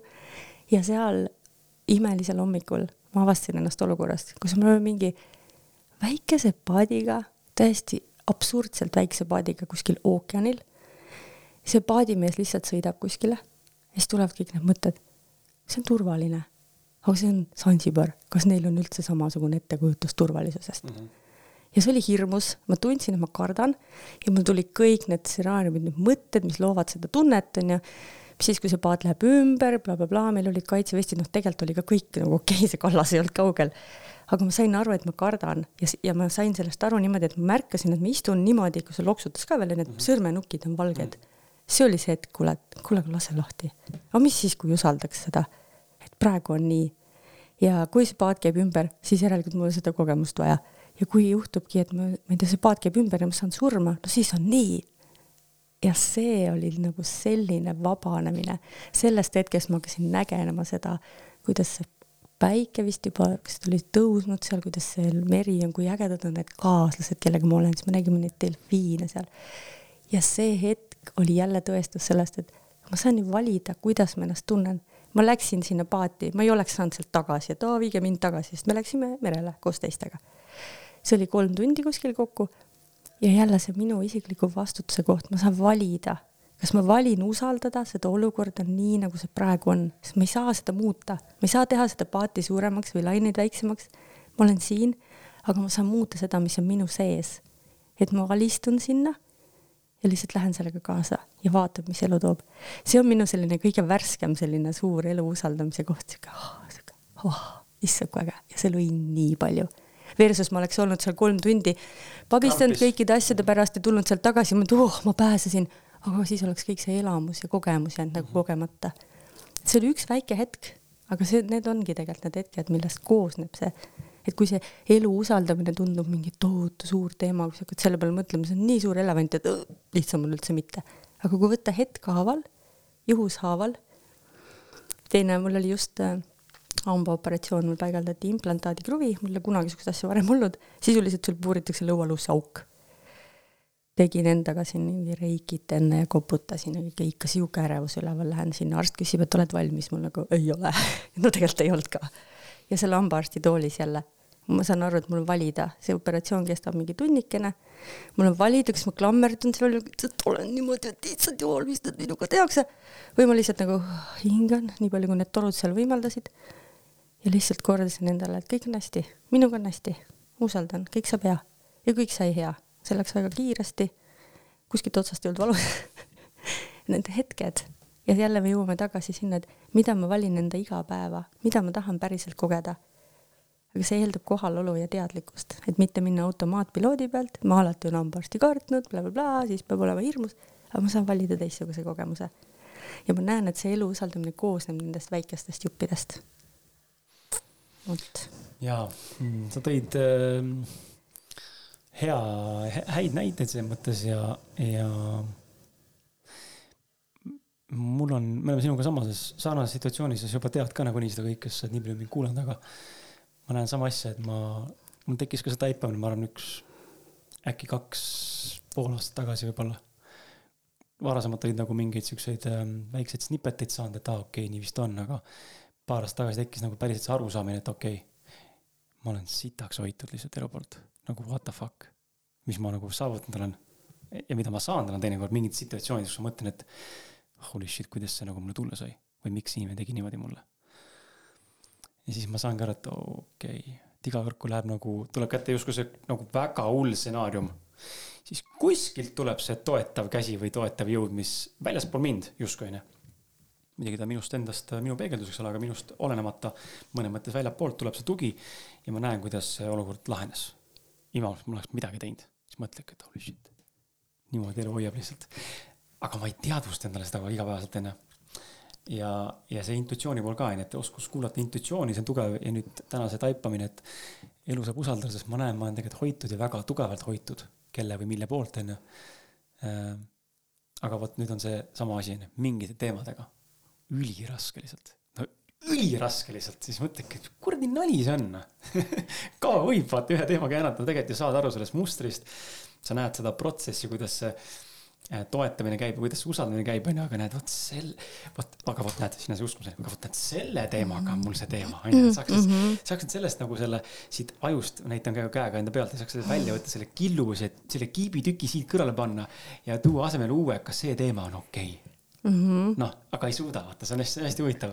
on, olen selles mõttes sama koha peal, ma näen seda nii ka, et jah, ma tahaks tegelikult vahest kiireid ja kergeid lahendusi, aga vot siin on jälle see koht, aga mis siis, kui ma jõuan, ma jõuan sinna, ma saan usaldada seda, et ühel hetkel ma jõuan sinna mm. -hmm. see on nagu äge asi, mis paneb nagu tegutsema, aga ka, et olla sellega leebe ja endaga leebe, et okei okay,, praegu ma selle teemaga ei saa, ei ole, noh, ma näen, et ma ei saa, tegelikult me oleme, raudselt oled sa selle mingite teemadega arenenud kuskilt aastast X, onju. aga lihtsalt tundub, et noh, see, viimane, see suur laduõun on ikka kätte saamata aga olla sellega ka okei okay ja kuidagi nagu võtta vastu see, et aga praegu on nii. ja teinekord on see see koht, mis saab lasta nagu asjadel liikuma minna mm. -hmm. praegu on nii. aga see läheb vahest närvi ja tekib kärsitus, kaua siis on niimoodi et see on nagu jällegi see teekonna osa siis osad räägivad, et äh, selle kärsituse ja selle tundega ja emotsiooniga, mis käivitub, sa näitad omakorda peeglile välja, kui rahulolematus oled, onju, sa pead vastu saama rahulolematust. see teema läheb hulluks lõpuks, onju, et mõnes mõttes, mõnes mõttes ma olen äh, elukaaslase poolnaljaga öelnud ka ja omavahel rääkinud, et et inimesed, kes on alles asunud enesearengu teekonnale ja tegelevad eksistentsiaalsete asjadega või mõtlevad selle peale, ehk siis pole veel ärganud nii-öelda teemad, terminid ärganud inimene onju. Mm -hmm.. et ähm, natuke vahepeal on see tunne, et kui palju lihtsam oleks huvitav elu, kui ma ei teaks neid asju. jaa, ignorance is a bliss. ma lihtsalt, lihtsalt elaks just nimelt ignorantsusest ja üldse mitte halvustavalt, ma loodan, et keegi ei tunne ennast puudutatud ja kui tunned, siis, siis tuleb sellega tegeleda, aga, aga elada just selle teadmatusega, et üldse on midagi enamat kui see, et siin on see füüsiline maailm, ma seksin, söön, käin reisil, ma ei tea, vaatan televiisorit, vaatan seriaali, vaatan uudiseid, onju.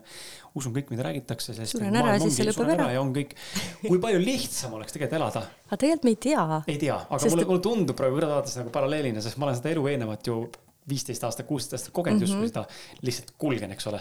aga alati on olnud see rahulolematus sees. Pole, on... pole kunagi kohal olnud sellisel viisil onju, täielikult integreerinud ennast sellesse nii-öelda, ma ei taha massi öelda, aga sellesse massi või sellesse normaalsusesse onju, tsivilisatsiooni, ühiskonda. täna nagu paralleelina kõrvalt nähes seda teekonda, kui ma olen nagu üritanud ja näe, näe, saan aru, et midagi on nagu teistmoodi, siis ja mitte ennast eriliseks teha, aga midagi on teistmoodi, siis saan aru, vahel tekib mõte, et aga kurat, kui palju lihtsam huvitav oleks, kui ma ei peaks tegelema nende asjadega, kui ma ei oleks teadlik üldse mitte milleski.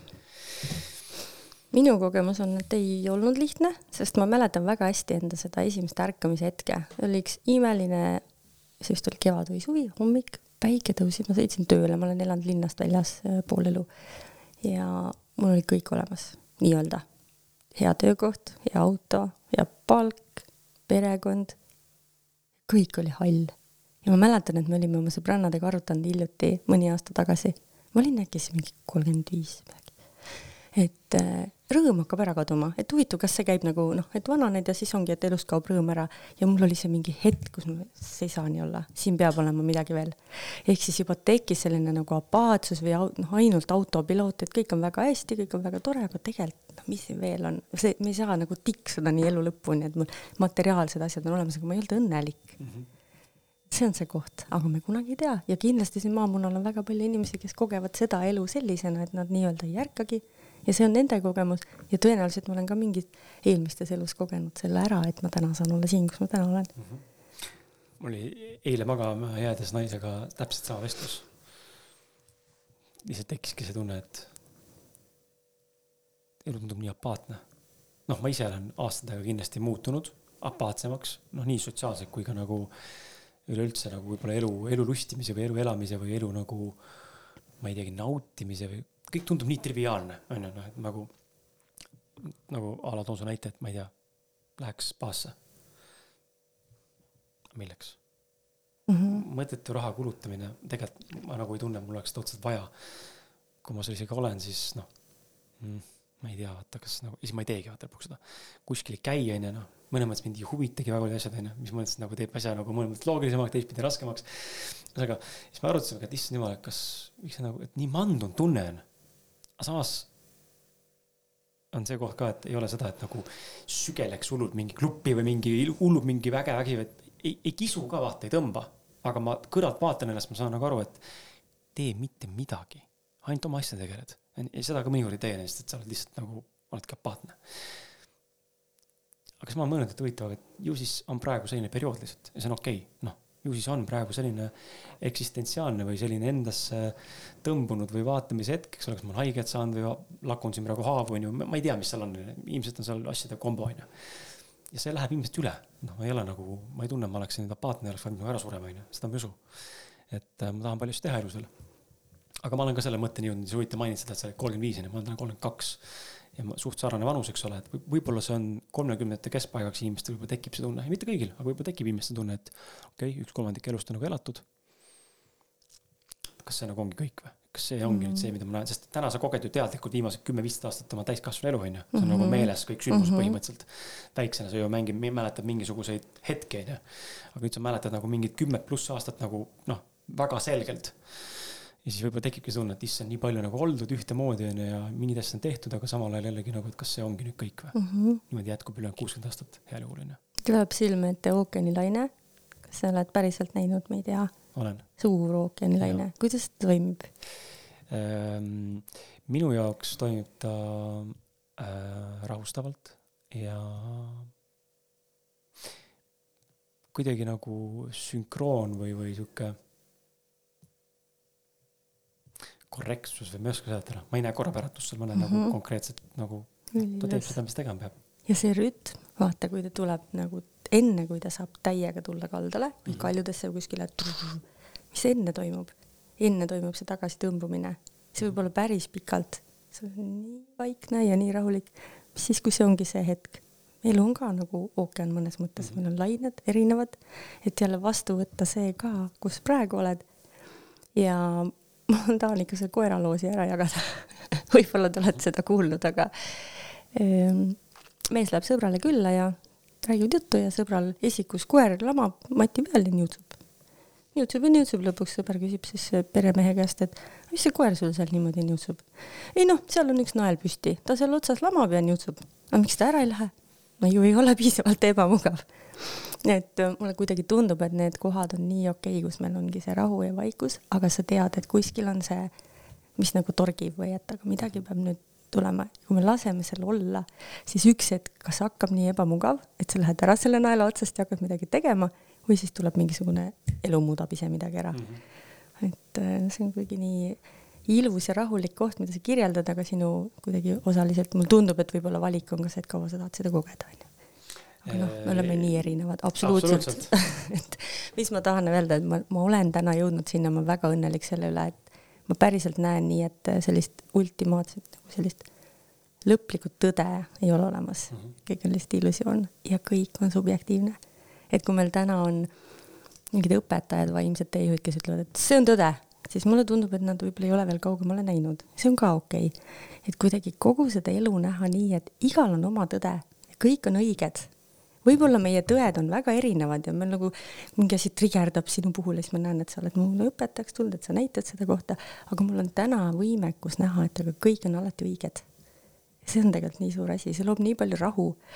ja kohaloleku hetkedes on sellega väga mõnus olla. hetkedes, kus ma ei ole kohal, need on need kohad, kus tahaks nähvata kellelegi, mhm. tee midagi teisiti vaata, see on see, jälle, sa ei ole täna surfingut lugenud sellisel viisil. mulle hullult on see maailmavaade nagu kõnetav, ma ei ütle, et see on ainutõde, aga ta on minu jaoks kõige nagu selgem olnud selline konkreetselt tööriist, eh, praktiline tööriist, kuidas, kuidas see maailm ennast nagu mõnes mõttes võiks nagu ehitada ja töötada. Ja seal on sama asi, et see ülim neutraalsus, et pole olemas õiget ega valet, vaid on see perspektiiv on ju, subjektiivne arvamus, kuidas on, sest kui mina ütlen, et see kakao on jube kehv, sa ütled, et kakao on jube hea, siis kummal õigus on mm -hmm,? mõlemal on ju, see kakao on ühtemoodi ju. et see on, ähm, see on selle maailmaruumi mõnes mõttes rikkus ja teistpidi triggerite rohke koht, sest ikka tahaks, et äh, ühtemoodi arvaks, on ju, sest et ja kui ei arva, siis uh, it has to be me kellel on õigus. aga sellest ma olen vägi, väga tugevalt läbi selle transurfingu nagu hakanud lahti saama mm. -hmm. ja mhm. see ei tähenda, et igas valdkonnas niimoodi on. ma usun, et sul on samamoodi, et on ikkagi teatud tee, teekond ja teatud teemad, mis ootamatult käivitavad. ma mm, -hmm. ja ma jagan sulle praegu spontaanselt äh, sulle ka kuulaja, vaatasin ühte filmi, see filmi nimi oli The Voya-, Voya-, Voyagers või? Voya-, Voyagers, Voyagers, Voya-, Voyagers. ma ei tea, mis see õige hääldus on. film oli siis ühesõnaga sellest, kus paariline kolis sisse, mitte väga tuntud näitlejad minu jaoks, kolis ühte äh, USA mingisse New Yorgi mingisse linna, eks ole, mingisse äh, korterisse ja avastavad siis, äh, et nende korteri aknast üle tee majast paistab teine aken sisse, kus on mingi fotograaf toimetab pidevalt ja siis see fotograafi on naine, eks ole, ja see fotograaf siis, kui naist kodus pole, on fotosessioonid ja siis mingi põhjusel see fotograaf magab teiste naistega, ta pildistab. ja nad hakkavad naabrid siis jälgima binokliga ja sa panevad isegi mingisugused mikrofonid, mingid valgus- ja laseripeegeldusega, et kuulekski nagu vestlust onju läbi akende. Ja see filmi lõpus oli situatsioon, ma ei räägi, mis seal on, siis kui tahab, väga soovitan vaadata. ma ei ole mitte kunagi vist saanud filmis sellist trigger'it, et ma ütlesin elukaaslasele, ma ei suuda vaadata, mul hakkasid käed värisema. ma ütlesin, ma ei suuda vaadata, ma lähen magama ära. ja ma olin nii vihane lihtsalt, ma olin nagu, ma olin nii vihane, mõtlesin, et aru, ma tahaks lihtsalt midagi puruks lüüa mul oli paha olla, süda puperdas. Imelik on olla ja ma ei suutnud vaadata, mul tekkis tohutu ärevus, tohutu sihuke tülgastusest tekkis peale, läksin magama ära. ja hommikul vaatasin, selles mõttes kiirelt läbi toksasin lõpuni, eks ole, võtsin kokku, vaatasin lõpuni, tahtsin teada, mis saab. lõpp oli väga üllatav väga šokeeriv lõpp oli. aga kõige suurem šokk või nagu minu jaoks kehatasandi šokk oligi see üks situatsioon seal filmis onju. ja ma sain aru tegelikult, et ma läksin, see film läks äh, vajutus mingile minule haavale, mis on tulnud siis kas vanematest või minu eelmistest suhetest või ütleme eelmist, eelmisest ühest suhtest, kus ma noorem olin, mis on näidanud mulle siis äh, mingeid äh, valukohtasid, kus ma olen haiget saanud. ja siis ma saingi aru, et okei okay,, see on sellepärast see reaktsioon, et see on mul endiselt hirm, tõenäoliselt see juhtub või et see võib juhtuda, mitte tänase partneri juures, aga üldiselt see ei ole nagu ära kadunud täielikult, vaid ma olen aru, et see võib juhtuda ja ma arvan, et see või tõi selle esile, aga ma pole varem kogenud ühegi filmi juures seda, et film niimoodi käivitab mind ja ma lähen minema, ma ei suuda vaadata mm. -hmm.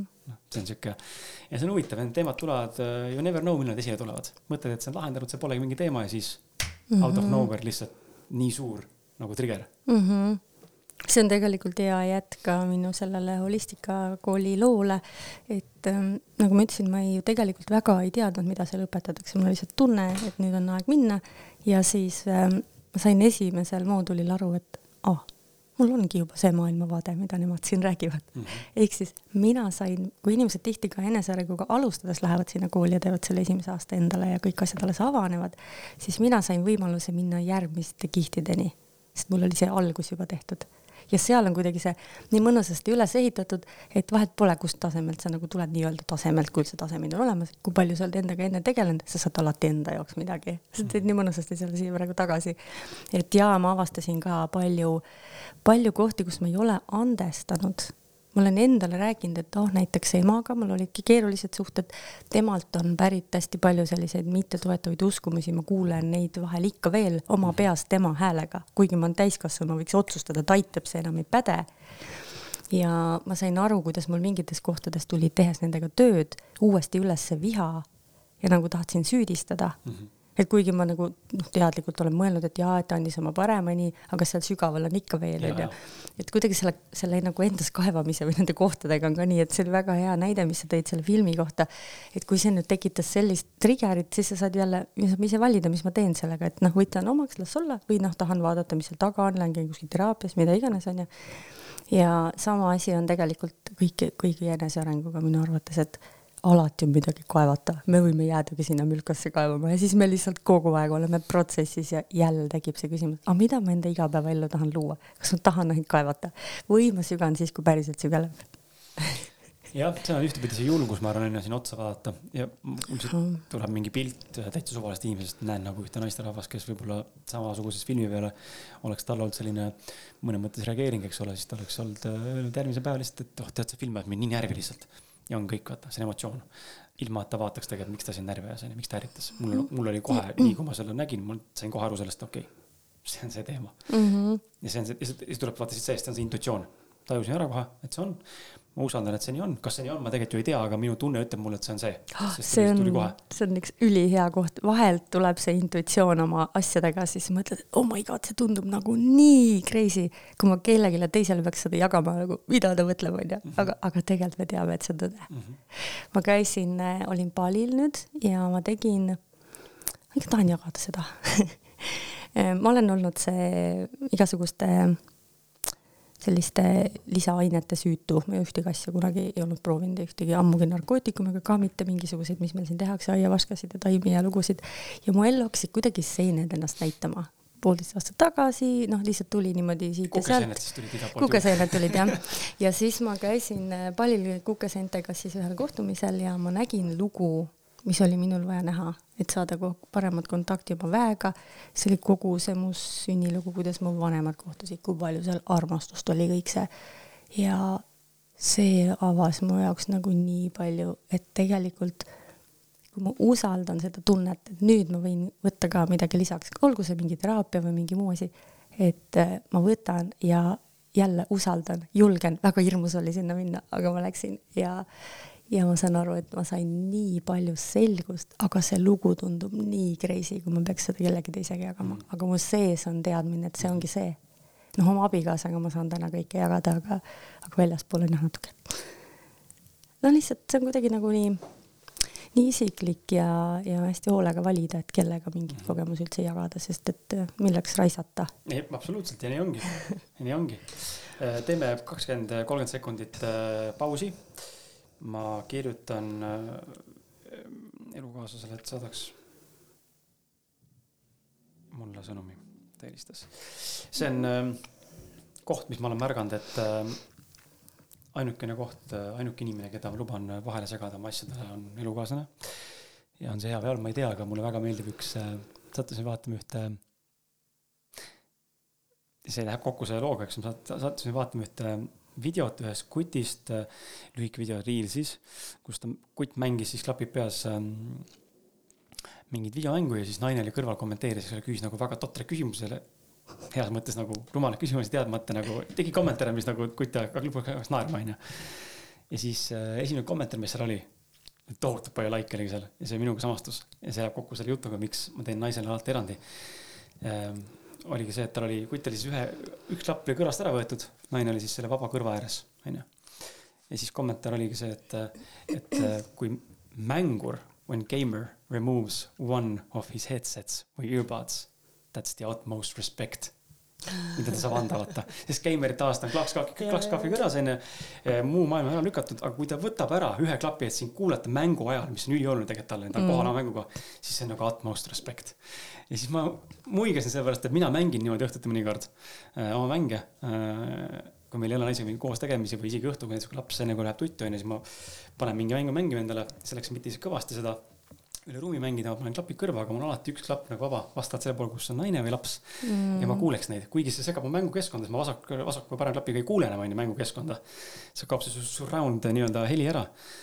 aga mind ajas muigama see, et okei okay,, et ma teen sama asja, et see on nagu utmost respect, et ma päris nagu mängust ära ei tule vaata, aga ma annan sulle osa enda ajast ja tähelepanust, kuigi ma olen nagu fokusseeritud üldse muule tegevusele mm. -hmm. et äh, lihtsalt sihuke tähelepanek. ja, ja, ja, ja, ja nii ta ongi. ja kui su äh, laps saab suuremaks, siis tõenäoliselt tuleb neid äh, veel neid tähelepanu vajajaid, sest ja. minule hästi meeldib, minu reiki õpetaja on olnud mulle väga suur inspiratsioon ja tema ütleb alati, et noh, see on, seal on ka koolitused on ju, et okei okay,, võtad telefonil hääle maha, aga kui lapsed helistavad, palun vastake alati.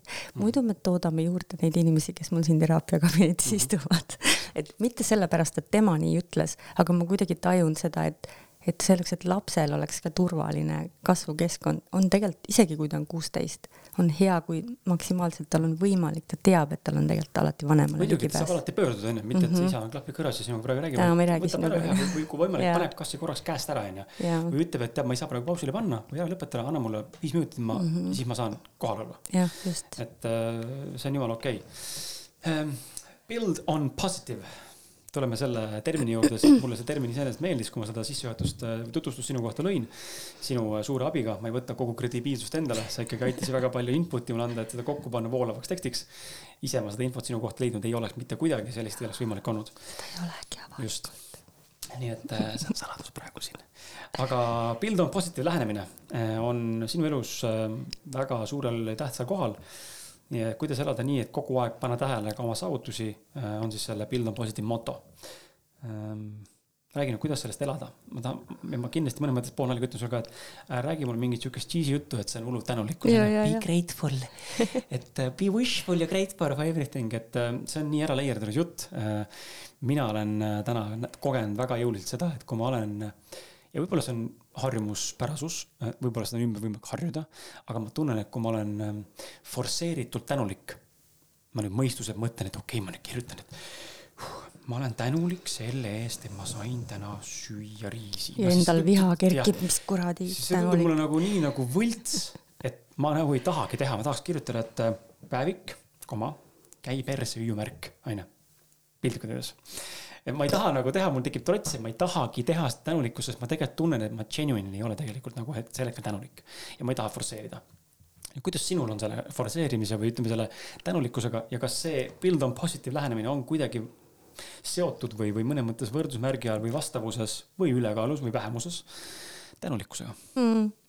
Siin on kaks asja koos, püüan meeles pidada. see kõigepealt Build on Positive on äh, minu supervõime, see on üks kingitus, mis mul on siin elus kaasa antud. jälle, kui ma vaatan oma elule tagasi, olles täiesti sellist ebateadlikku elu lihtsalt kogenud, esimesed kolmkümmend pluss aastat, siis mul on olnud alati see võime näha, mis on hästi, ehk ma olen olnud alati oma loomult rõõmsameelne ja see ei ole see, et ma teen halva mängu juures head nägu, olen kuidagi võlts positiivne, et tegelikult läks nii sitasti, aga no tegelikult on ikka hästi, vaid ma kuidagi, ma tunnetan päriselt seda ka, et aga nii palju asju on alati hästi ja ma võin olla ise praegu, eriti just ettevõtja tee alguses, ma tunnen, mul on vahepeal niisuguseid auke, et ma olengi seal masenduses mm, -hmm. kurdan oma abikaasale, et sellest ei tule vist ikka midagi välja ja, ja mul on siis ka taustal, need on mingid egomängud, miks see hala tahab tulla, aga mul on tegelikult taustal ikkagi see, tegelikult on hästi, vaata praegu on hästi.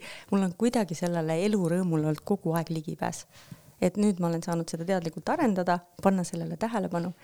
ja mis puudutab tänulikkust, ega mul ei ole sulle häid uudiseid, Kris.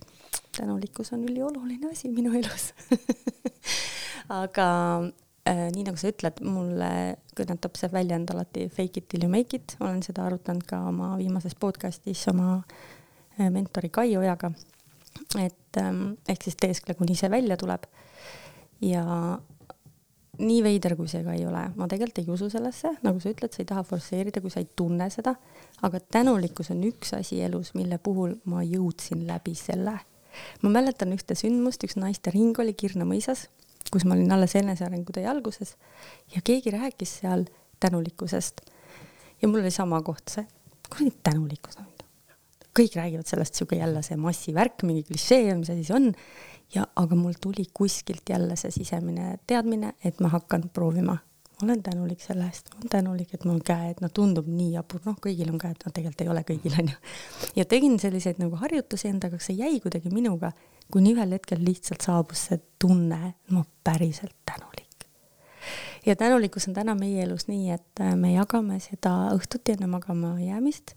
see tuli ähm,, Roland Toko vist, hea sõber mul on ähm, seda jagas äh, kunagi kuskil webinaris, kui me Alle Saariga kohtusime ja me kuidagi tegime otsuse, et hakkame seda tegema iga õhtu. ja see on nii lihtne asi, nagu ta enam ei lähe meil meelest, sest me oleme kolm aastat seda kogu aeg teinud, nii kaua kui koos oleme olnud. õhtul enne magama minekut on alati see kasvõi kolm asja, et ma lihtsalt nii tänulik selle padja eest see ei pea olema üldse mingi tohutu suur, ma ei tea, selle eest, et maailmas on rahu või mida iganes, aga mis päriselt teeb seda tunnet, et ma usun, et seal on võib-olla võimalus, kui sa vaatad näiteks oma last mängimas et sa võiksid saada kunagi ühel ilusal hetkel sellega kontakti, et sa oled tegelikult nii tänulik, et on olemas. ja need on need hetked, et kui me kuidagi saame esimest korda ühendust, mina kogesin seda, et ma esimest korda, ükskord tuli see tunne, siis sealt edasi ma ei pidanud enam nagu seda teesklema või, mhm. või lihtsalt ütlema, vaid ma hakkasin leidma veel rohkem neid momente, kus ma veel saaksin seda tunnet kogeda.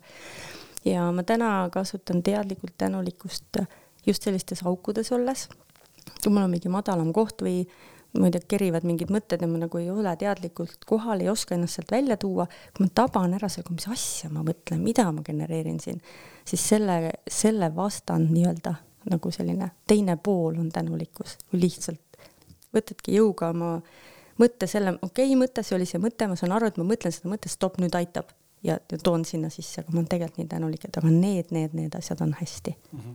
ja Karolin Ligi, mu armas eh, keha, kehateekonnakaaslane on mulle hästi hea harjutuse andnud, mida võib tegelikult eh, täiega praktiseerida äärevatel hetkedel. katsu materiaalselt, mis on sinu ümber. siin on laud, siin on tool, need on reaalselt nagu tugevad asjad, nad on siin. praegu on hästi mm. -hmm. sest ma olen elus, mul, ma ei tea, kuskilt ei valuta, aga praegu on hästi ja siis saab kuidagi olla kergem ka see, aga noh, ma ei tea, kasvõi see asi, mida ma kardan, mis viie minuti pärast tuleb, onju, aga praegu on hästi. et ma ei tea, kas ma vastasin su küsimusele, aga see on see, kus tänulikkus ähm, täna minu elus on ja ma ei ole ka üldse selle poolt, et ma peaks seda kuidagi vägisi, näiteks ma ei kirjuta, ma ei ole kirjutaja tüüp, ma olen proovinud päevikut pidada, minul on lihtsam rääkida, vahest teen endale voice'e, mida ma pärast kunagi ei kuula, aga ma saan välja rääkida. ja mulle meeldib ka jagada tegelikult teiste inimestega seda tänulikkuse, seda tõelist nagu tunnet on ikkagi väga palju kogetud samamoodi, et mm -hmm. ma mõistan, millest sa nagu räägid ja kui sa oled nagu päriselt siiralt tänulik mm -hmm.. noh, seal on erinevus, sa ise nagu tunned seda, sel hetkel, kui sa tunned seda, sa tunned ära selle vahe ehm,. ja see harjutus, et õhtuti enne magamaminekut äh, tänulikkuse mm, nimistut nii-öelda üksteisele öelda, elukaaslane tegi see algatuse mulle ka, ta on tegelikult korduvalt teinud seda me ei võta vedu. ma tunnen, mul sel hetkel ütleb mulle, et kuule äh, ütle kolm asja, mille eest tänulik oled. seda mul tekib siuke trots mm, -hmm. sa ei kujuta ette, siuke trots mul tekib ja mul on nagu niimoodi, ma hakkan mõtlema, et mõtlen, mida, mida öelda ja mul on see tunneke see nagu, saad aru, ma ei suuda, ma ei su-, ma ei suuda öelda, sest et see on nii forsseeritud hetkel. mitte, ma tegelikult tänulik ei oleks, loomulikult olen, kui ma hakkan mõtlema, millest midagi tänulik, muidugi ma olen tänulik, aga, aga see ongi see, et see, see, see, see, see, see, ma ei, nagu ma ei suuda seda endast välja anda ja, aga seda, see mõte on muidugi kihvt, sest ma esimest korda kogesin seda Austraalias, kui oli, elasime ühe pere juures, siis seal pereema söögilauas siis äh, kõik pereliikmed, ka nelja-aastane laps sai öelda. aga need ei öelnud tänulikkust, vaid nad äh, ütlesid, mis neile meeldis mm. -hmm. What's the best part of your day? ja see kõlas mulle sellisena nagu, et vau, eureka, vaata, vau, päeva parim osa. ja see peab ainult üks olema. et mitte, mitte see, millest sa tänulik oled täna, siis oleks võib-olla, võib-olla see, vaata sa, ma olen märganud enda puhul ja võib-olla see on minu mingi kiiks, ma olen märganud enda puhul seda, et mingite sõnadega ma ei tule kaasa ja mingi teise sõnaga sama tähendus. mul on see, et ja, ja noh, a la väärtus või mida ma hindan. väärtus mm, -hmm. ma ei saa aru, küsib, mida väärtustan, mul on see, et äh, ma ei, ma ei tea, mis mu väärtused on. küsis, mida ma hindan ah,, seda, seda, seda, seda, seda, asi on sama, onju, lihtsalt sõna on teine. see mm -hmm. laeng sageduste taga on hoopis teine, signatuur on ju, see maitse nii-öelda energeetiline et see on hästi huvitav, inimesed on selles mõttes nii huvitavad, et, et võib-olla ma pean selle äh, tänulikkuse ära muutma enda jaoks äh, selle ümber, et mida ma, mille eest, mis mulle meeldib mm, -hmm. mis mulle meeldib. ja sa ei pea seda tegema õhtul või kuidagi, vaid kuidagi see tuleb enda seest, vaata, see on minu arvates on nagu üks põhiline sõnum, mida ma tahaks täna siit kuulajale ka kaasa anda, et leia see, mis sulle toimib. see on nagu maailma kõige tähtsam asi õpetajaid on kõik kohad täis, igaüks mm -hmm. ütleb, mõni soovitab sulle midagi, mõni räägib oma kogemust, oo, see töötab. aga miks ma ka täna tegelen coach'ina, mitte mentorina, see vahe ongi selles, et ma ei taha, ma, ma ise tunnen, et ma ei ole õpetaja, vaid ma usun, et kõik inimesed on võrdselt, meil kõigis on see potentsiaal ja igas ühes on võimekus leida see, mis sind päriselt teenib.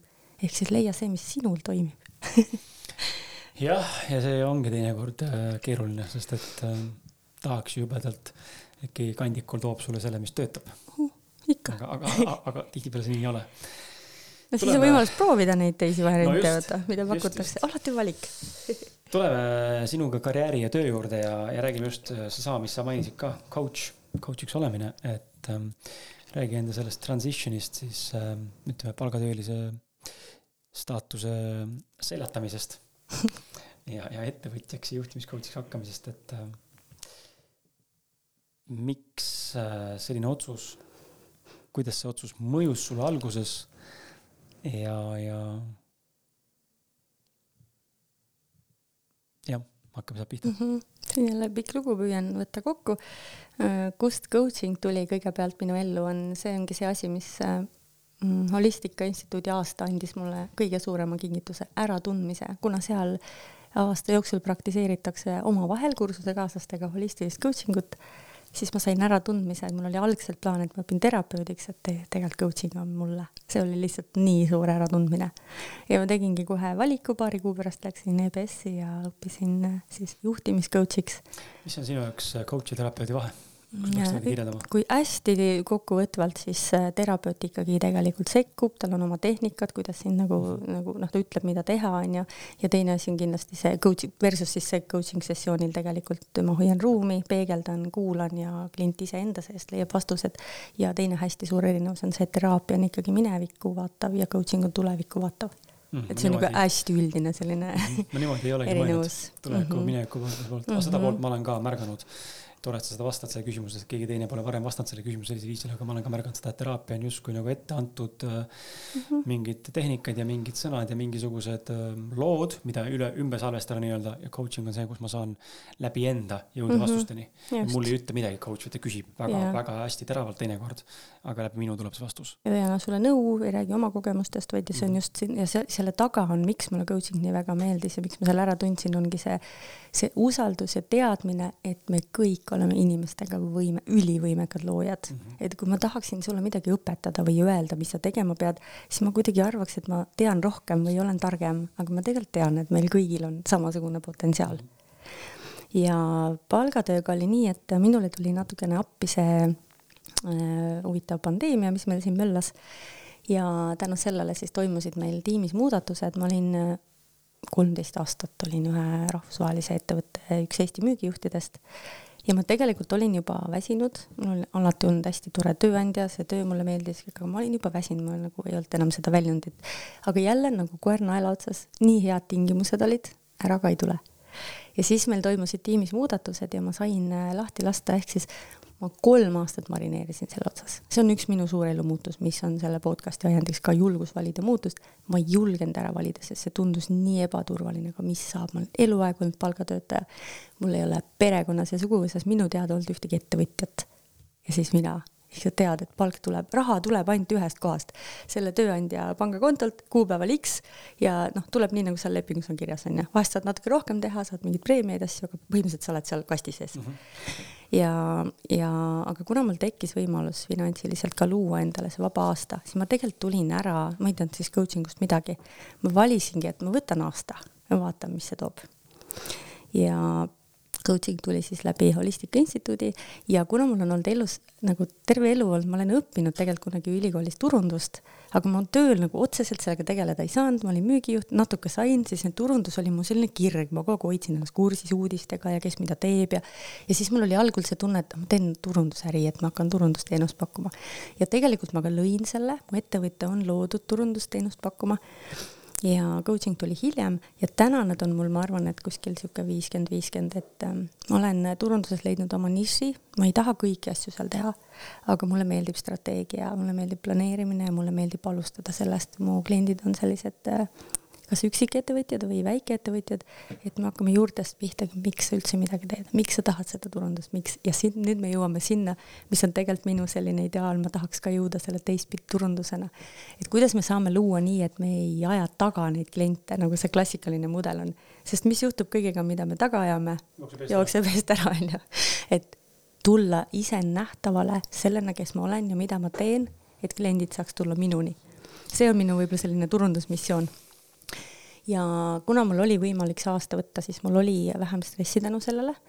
ma tegin igast toredaid asju selle aastaga, ma käisin äh, Caminol matkamas, tegin ühe siukse kahesaja kilomeetrise matka seal üksinda, äh, väga meeldis, lähen see kevad uuesti. ja selle kõige selle olemise käigus, see oli väga hirmus, mul oli mingi miljon hirmu, aga mis must saab ja kus me ja kui ma lähen uuesti tööle, kas mind keegi üldse tööle võtab ja ja noh, kõik see mudru käis siin peas ringi, aga ma kuidagi lasin endal olla sellega. ja siis sai teha, tulla ruumi, sest ma olen eluaeg käinud niimoodi tööl, et üheksast viieni ja kõige rohkem puhkust järjest on kaks nädalat no sa tegelikult ei saa mitte kunagi välja puhata. ja järsku mul oli see aasta ja see võttis väga kaua aega, mitu kuud, et sealt rattast maha astuda ja siis võttis veel aega, et sai tulla ruumi minu sisse, et sai hakata tulema see selgus, aga mida ma siis teen, kuidas ma teen mm. -hmm. täna ma tean, mida ma teen ja ma olen selle kire ära tundnud coaching us. kuidas ma teen, kui ma sulle ausalt ütlen, mul ei ole aimugi aga ma tean, mis on minu suur pilt ja ma lähen selles suunas ja ma püüan leida seda teed, mis loob mulle kergust. et ma ei, ei jahiks kedagi ega midagi, ma ei teeks midagi raha pärast. see on ka huvitav koht, sest et raha on tegelikult ju vaja maksud on vaja maksta, asjad on vaja teha, onju. et äh, kõiges selles ma nagu alles orienteerun, et võib-olla kolme aasta pärast teeme uue saate, siis ma räägin sulle, kuidas ma sealt välja tulin. aga üks on kindel, selle otsuse ma tegin, mäletan ka hetke, olin metsas jalutamas, et palgatööle ma tagasi ei lähe ah,. siin on mitu mõtet ähm,. esiteks hakkasin peaaegu et naerma, muigama. sellest ma räägin sulle peale saadet okay.. mul on sulle üks äh, pakkumine. nii tore. mis praegu mul sinuga vesteldes äh, lõi mul pirni põlema, et äh, sa oled potentsiaalne minu võrrandis olev üks inimene. issand, kui armas. tore äh, teine mõte, sa ütlesid, et raha, raha nimel, raha pärast asju teha äh,. Peep Vain ütles mulle väga hästi selle kohta, mis on mõte mind hakanud kandma ja, ja min, minu, minu suhtumist muutnud täielikult äh, raha nimel ja raha pärast midagi teha. ei, aga raha eest. ja. ja, ja onju, et kas ma teen raha pärast podcast'i? ei, raha eest. okei okay., see on hoopis teine, Mhm. onju. jaa see on hoopis teine, hoopis teine, teine tunnetus on sealjuures. kui sa praegu seda ütled, kui ma vaatan sind, mida su näoilme teeb, kuidas su energeetika on, siis see, see, ma näen, et sul endal on nii suur selgus, mis nende kahe vahel on, sest minusse tuli ka väga suur nagu rahupahvakas sellega, kui sa ütlesid see, et raha eest mm. -hmm. ja seesama hetk, kui Peep ütles seda mulle, siis mul oli, tegime laivi taga. see oli üks laiv, üks teine, temaga üks laiv mm -hmm. seal ühes hotellis ja siis ta ütles selle lause, et raha pärast ja raha nimel tõmmelda see ei ole nagu see koht. aga raha eest, see on hoopis teine asi mm. -hmm. siis mul oli nagu see, et holy shit, ongi nii ju. raha eest võin ükskõik mida tegelikult teha, mis mulle meeldib. mis mulle okay. meeldib jah, ja mis ei lähe minu ja. endaga vastuollu. just, aga raha eest, okei okay., saan nagu sellest raha, ma teen seda. mitte, et ma teen seda sellepärast, et mm. -hmm. see on väga see on suur vahe. hoopis teine dünaamika äh, kes aru sai, see sai ähm,. aga jah, et äh, see on, see on huvitav, selles mõttes see on väga huvitav äh, ja, ja see sinu turunduslik äh, pool ka, sinu käik selles äh, coach'i, coach'i teekonnas samamoodi, et see on lihtsalt noh, vaata, see on asi, millega paljud inimesed tegelikult mõnes mõttes äh, maadlevad ja, ja kokku puutuvad oma elus. kuidas nagu teha seda suurt muutust, on ju, sa mainisid tegelikult väga olulist sõna ka see otsus. ja see otsus on jälle midagi, mida mina ei oska ka kirjeldada, kui ma tegin ka selle otsuse siin aasta tagasi, et edaspidi mina teen oma podcast'iga nii või naa siis see tundus mulle väga loogiline, siis täna see kõik maailm peegeldub, et see nii ongi ja see on okei okay.. senikaua, kuni ei olnud otsust, kindlat sisemist otsust, et nii on, siis, siis ei olnud seda ka peegeldust, et see saab toimida. Ehm, ja, ja see ongi hästi huvitav, et see otsus on nagu meie enda sees internally nii peentasandil. no mulle meeldib, mulle meeldib see analoog tuua siia kõrvale, kuidas räägitakse allikast, eks ole, jumal, jumalikkusest. Ja, ja, ja, ja allika energiaga kontakti saamisest ja nii edasi, et see on justkui nii kaugel meist, valgusaasta kaugusel, kuskil kosmoses, eks ole, nii-öelda. teistpidi ta on siinsamas sinu sees, on ju, hästi lähedal. et me võime ette kujutada, et ta on meist kaugel kosmoses, sest et ta ongi osa kosmosest, eks ole, meil on planeet Maa väike killuke liivaterakeseni, on ju. aga see allikas, see kõige esimene algkoht, kust ta välja hakkas hingama nii-öelda, see on hästi kaugel samas ta on siinsamas minu sees. et see on nagu mõnes mõttes võib-olla sama asi, et see otsuse, otsus tundub olevat nii suur asi. aga samas see tegelikult on nii väike asi enda sees, mis käib siis shift ära ja kui sa selle shift'i enda sees teed, noh siis meie maailm on sageduse maailm, kõik muutub mm. -hmm. ma olen väga nõus sinuga kõik algab otsusest ja see, kas miski on suur, ma olen selle üle ka mõelnud, sest ma olen tegelikult ennast äh, täna mm, mis ma olen nimetanud, muutuste coach'iks, ma tegelikult tunnengi kõige suuremat soovi aidata neid inimesi, kes tegelevad selliste suurte muutustega. aga mis on suur? ja see kuidagi on nii personaalne mm, -hmm. see on nii subjektiivne, sest mina näen seda nii, et suurus sõltub sellest, mis mul on kaalul. mis on minu jaoks suur, mõne jaoks on nagu jumala sihuke pisike asi onju. -hmm. et äh, jälle selline vabadus mõista seda, et me oleme erinevad ja igal on omamoodi aga meis kõigis on potentsiaal tegelikult, et sealt läbi tulla. ja oskus võib-olla vaadata seda just nimelt, tõid hea näite jälle, mul läheb mõte edasi kohe, et see suuruse küsimus on ju, perspektiiv. Andrus Vana saateid mäletada mm? -hmm, väga hästi Andres tõi ühe väga hea näite seal, Andres on mind väga palju mõjutanud, ta on väga hea. Andrus Vana on äh, Transurfingu koopia ja ma ei mõtle üldse seda halvasti kuidagi, vaid ta on väga labane heas mõttes sildistan praegu niimoodi väga labane ja matslik või sihuke hästi lihtne, hästi, hästi nagu robustne transurfingu ideoloogia ta ei ole ise transurfingu lugenud. aga ma näen nagu täpselt neid asju, millest räägib Vadim oma raamatus läbi teise termini, teise nimetuse, teise mm -hmm. mõiste ja millest räägib Andrus läbi teise sõna, aga need on hoopis sama teema mm -hmm.. täpselt samad räägivad, räägivad onju. et Andrus tõi väga siukse hea näite mulle tolle kunagi, et, et keegi võib vabalt kinkida auto sulle. auto mõne inimese jaoks, äh, näiteks Ferrari või Lamborghini, võtame mingi, mingi uhke auto lihtsalt. väga kallid autod, on ju. aga võib-olla mõnel miljardäril on neid mitu tükki. ja tema jaoks see auto raha nii-öelda on igakuisest sissetulekust võib-olla olematu protsent. siis tema jaoks ei ole probleemi sulle see kinkida. sina vaatad seda, et oi kui suur asi, tema vaatab, et noh, näe, võtmed on siin, mul on nüüd kümme tükki. et see, see on nagu perspektiivi küsimus mõne mõttes, kui mm -hmm. suur või kui väike see asi tegelikult on ja kõik on tegelikult võimalik, et vastavalt sellele, mis mätta otsas me ennast ise hoiame või kus me kinni istume. või kus mm, -hmm. või kus me kinni tahame istuda mm. -hmm. ikkagi jälle jõuame sinna, et kõik on valik. ja, ja see vabadus vaadelda asju teisiti, et aga mis siis, kui ei ole ainult nii, nagu mina oma mätta otsast mm -hmm. näen. et jah. aga kas sul ei ole coach'ina seda hirmu olnud? võib-olla on hm. ja võib-olla ei taha seda öelda aga, aga seda hirmu just, et minul on see hirm, mul on mõte olnud ka, et minna terapeudiks või coach'iks õppima. ma nagu näen nagu mingit potentsiaali ja mind kõnetab tohutult see teema. aga mm -hmm. minu sees, nii kui ma selle mõtte välja ütlen praegu sulle ka, tuleb vastulause. ma ei ole, ma ei ole valmis. no siis võib-olla sa ei olegi valmis. ma ei ole piisavalt tark. ma ei oska aidata teisi inimesi mm. -hmm. ja nii edasi. aga mis siis, kui ma ei oska aidata mis siis, kui minust ei ole kasu mm? -hmm. ja need on need mõtted, mis mõnes mõttes minu hirmud tõenäoliselt onju ja kohad, kus ma ennast vähendan, aga kuidas sinu sellega on, kas sa nagu noh, kuidas sa suhtud sellesse või kuidas sa nagu noh, see ongi see koht, mis ma tunnen, et inimesed võib samamoodi inimestel olla, et aga mis siis, kui ma ei ole piisav tegelikult selle asja tegemiseks mm. -hmm. ja samal ajal võib-olla lükkame tegelikult edasi kogu aeg seda, mida tegelikult täna tegema peame mm. -hmm jaa, see on jah, ja seal kuidas, on veel see, seal on veel see aspekt ka, et kui sa hoiad endale tegelikult seda, mis sul on maailmaga jagada, siis see on natuke nagu jätad teised ilma sellest. kust ma tean, kas mul on jagada, vaata, vaata nii ja ma panen küsimuse võrrandisse sulle, et saaksid vastata ühe näite.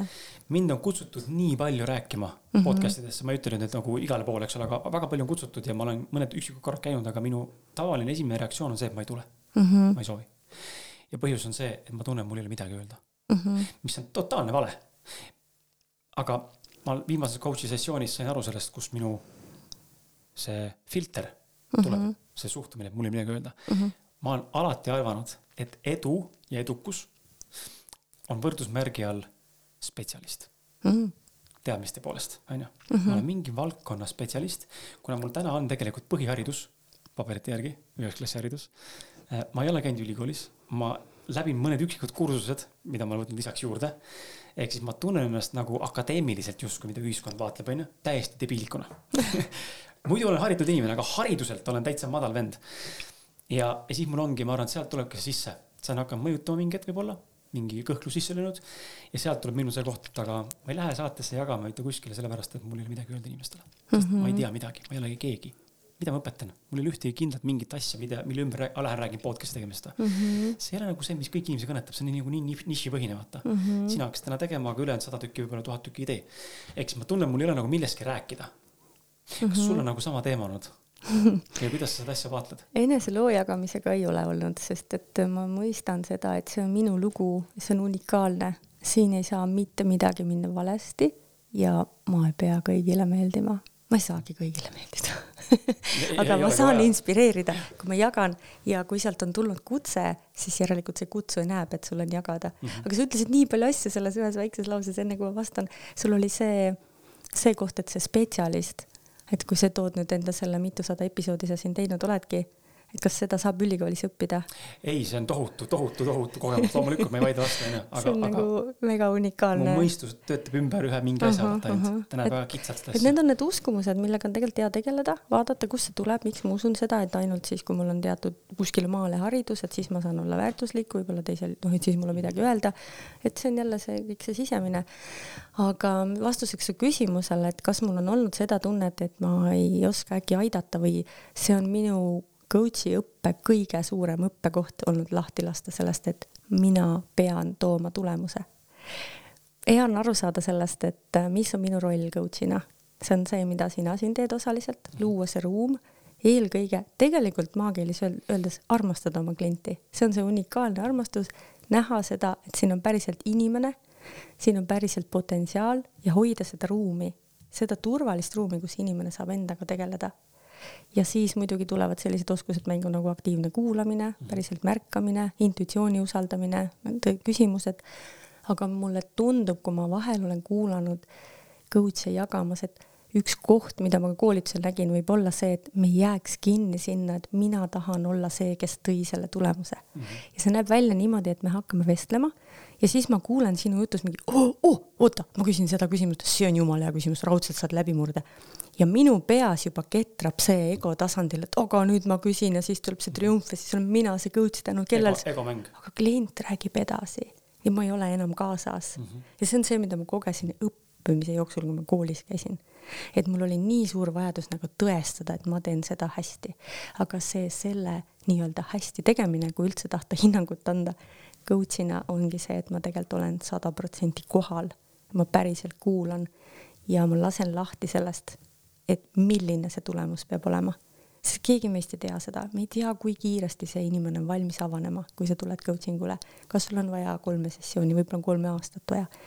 kui, sest see on inimese enda vastutus, kui palju ta lubab välja pinnale tulla neid asju, mis teda tegelikult taga hoiavad ja ma ei saa seda kuidagi nagu jõuga suruda. jah, on teatud tehnikad ja harjutused, kus saab sinnapoole nagu liigutada seda teekonda, aga lõppude lõpuks on ikkagi inimeses endas kinni.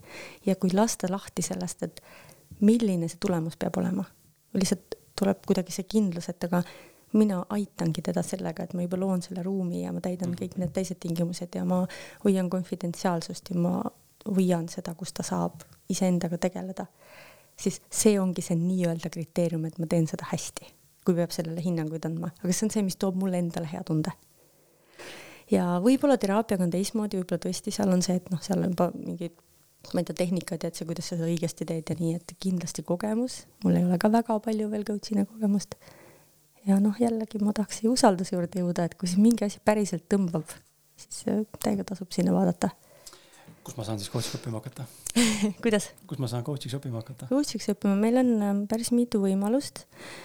mina õppisin EBS-i juures, on kursus, seal ongi konkreetselt juhtimis coaching ehk siis tegelikult suund on sinna, et aidata ettevõtetes eh, juhte endid oma otsuseid mhm. teha paremini, tiime juhtida, kõike seda. ma tunnen praegu rohkem ise ühendust life coaching uga, ehk siis ma olen suunanud ennast eh, oma selliste eraklientide ja eraeluliste teemade peale. mis see tähendab, ettevõtte juht võib tulla sinu? just, sest et lõpuks me oleme kõik inimesed mm -hmm. ja ma tunnen ennast päriselt hästi kõikides teemades. ja teine, kus saab õppida, minu meelest on intelligentne grupp, aga siin ma rohkem ei räägi, sest mul ei ole kokkupuudet, ma lihtsalt märganud, et nemad ka õpetavad. aga kui sa guugeldad, sa kindlasti leiad aga ma ütlen sulle, TBS-is on mega kuidagi see, ma ei tea, see oli, kuidas see kõik oli korraldatud või see tase nagu see oli, see oli hästi noh, väga minule, ma olin nagu hästi rahul sellega uurin, sest Uuri. et mu sees see sügeleb. ja, ja tead, mis sellega on veel see, et ega sa ei pea ju, see õpe ei ole seal üheksa aastat, see on mhm. kuskil pool aastat aktiivset praktikat ja sa ei pea ju hakkama pärast coach'ina tööle, aga nii nagu ma näen seda, et tegelikult see Holistika Instituudi aasta, see saab olla kasuks igaühele, nii et tegelikult coaching oskused on ka kasuks igas eluvaldkonnas mm, -hmm. et see ei ole üldse see, et nüüd lähen ja õpin. et äh, see võib sul selguda, mis sa sellega teha tahad kella näed, jah? jaa. me seekord. üks viiskümmend. Äh, aga, aga mul on veel äh, paar küsimust, nii et seekord tuleb erandsaade, kus me läheme pikemalt ähm,. Lähme siit äh, suhete juurde ja, ja võtame selle suhte, suhete teema siia viimaseks just juurde. kontrollin korra kella ka, et meil keegi sisse ei sõida ähm,. ma ühendan kaks küsimust. tegelikult ei tähendab, ma ühendan kaks küsimust järgmise küsimusena okay.. kaks küsimust ainult tulebki, onju. et äh, alustame sellest, et sul on äh, tänasele suhtele eelnevalt on tegelikult veel üks pikk suhe olnud mm. -hmm. ja kakskümmend kolm aastat on äh, ikkagi märkimisväärne number.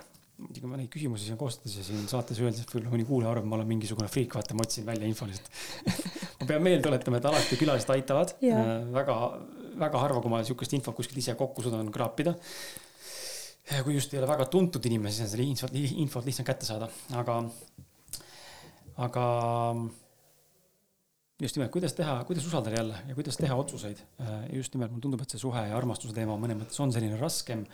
nii nagu mõnes mõttes ka on see palgatööst loobumine, eks ole, ja ettevõtjaks hakkamine, kui siis vastupidiselt see, ma olen paaris olnud või suhtes olnud üle kahekümne aasta või üle kümne aasta või mis iganes X aastat, see on suhte kvaliteeti ja alati määrav sellest suhte pikkusest.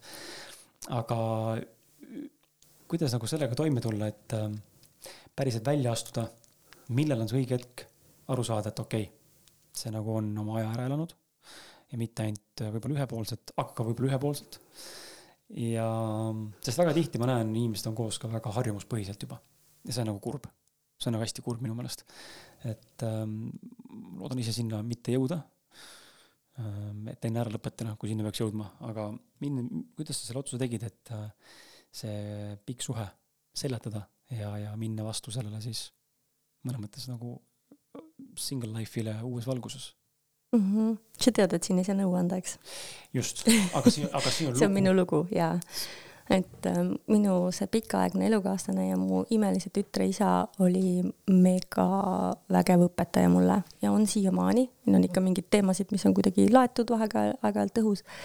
ja see nii pikk koos olemine ma näen, et oli lihtsalt vajalik, sest me mõlemad saaksime ära õppida need õppetunnid, mida me seal õppisime. aga püüdes seda lühidalt kokku võtta, ah jah, ja veel, ma ei taha väga detailselt rääkida sellest, sest see ei ole ainult minu teema. ma usun, et kui on mitu osapoolt, siis peaksid nad ka sõna saama. aga minu vaatenurk sellele on, et meil oli hästi tugev egode võitlus kogu aeg ja meil ei olnud, meil ei tekkinud nagu päriselt seda ühtset tiimi.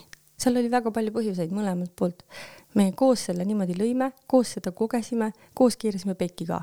kõik on nagu, mina näen, et see on fifty-fifty et äh, mina tegin jah, selle otsuse siis lõpuks äh, tulla välja ja täpselt nagu selle töökohalt äratulekuga, siis suhtega oli sama, ma marineerisin kolm aastat seal. no sisuliselt valisin kannatust oma elu, sain aru, et see on tegelikult nagu lõppenud.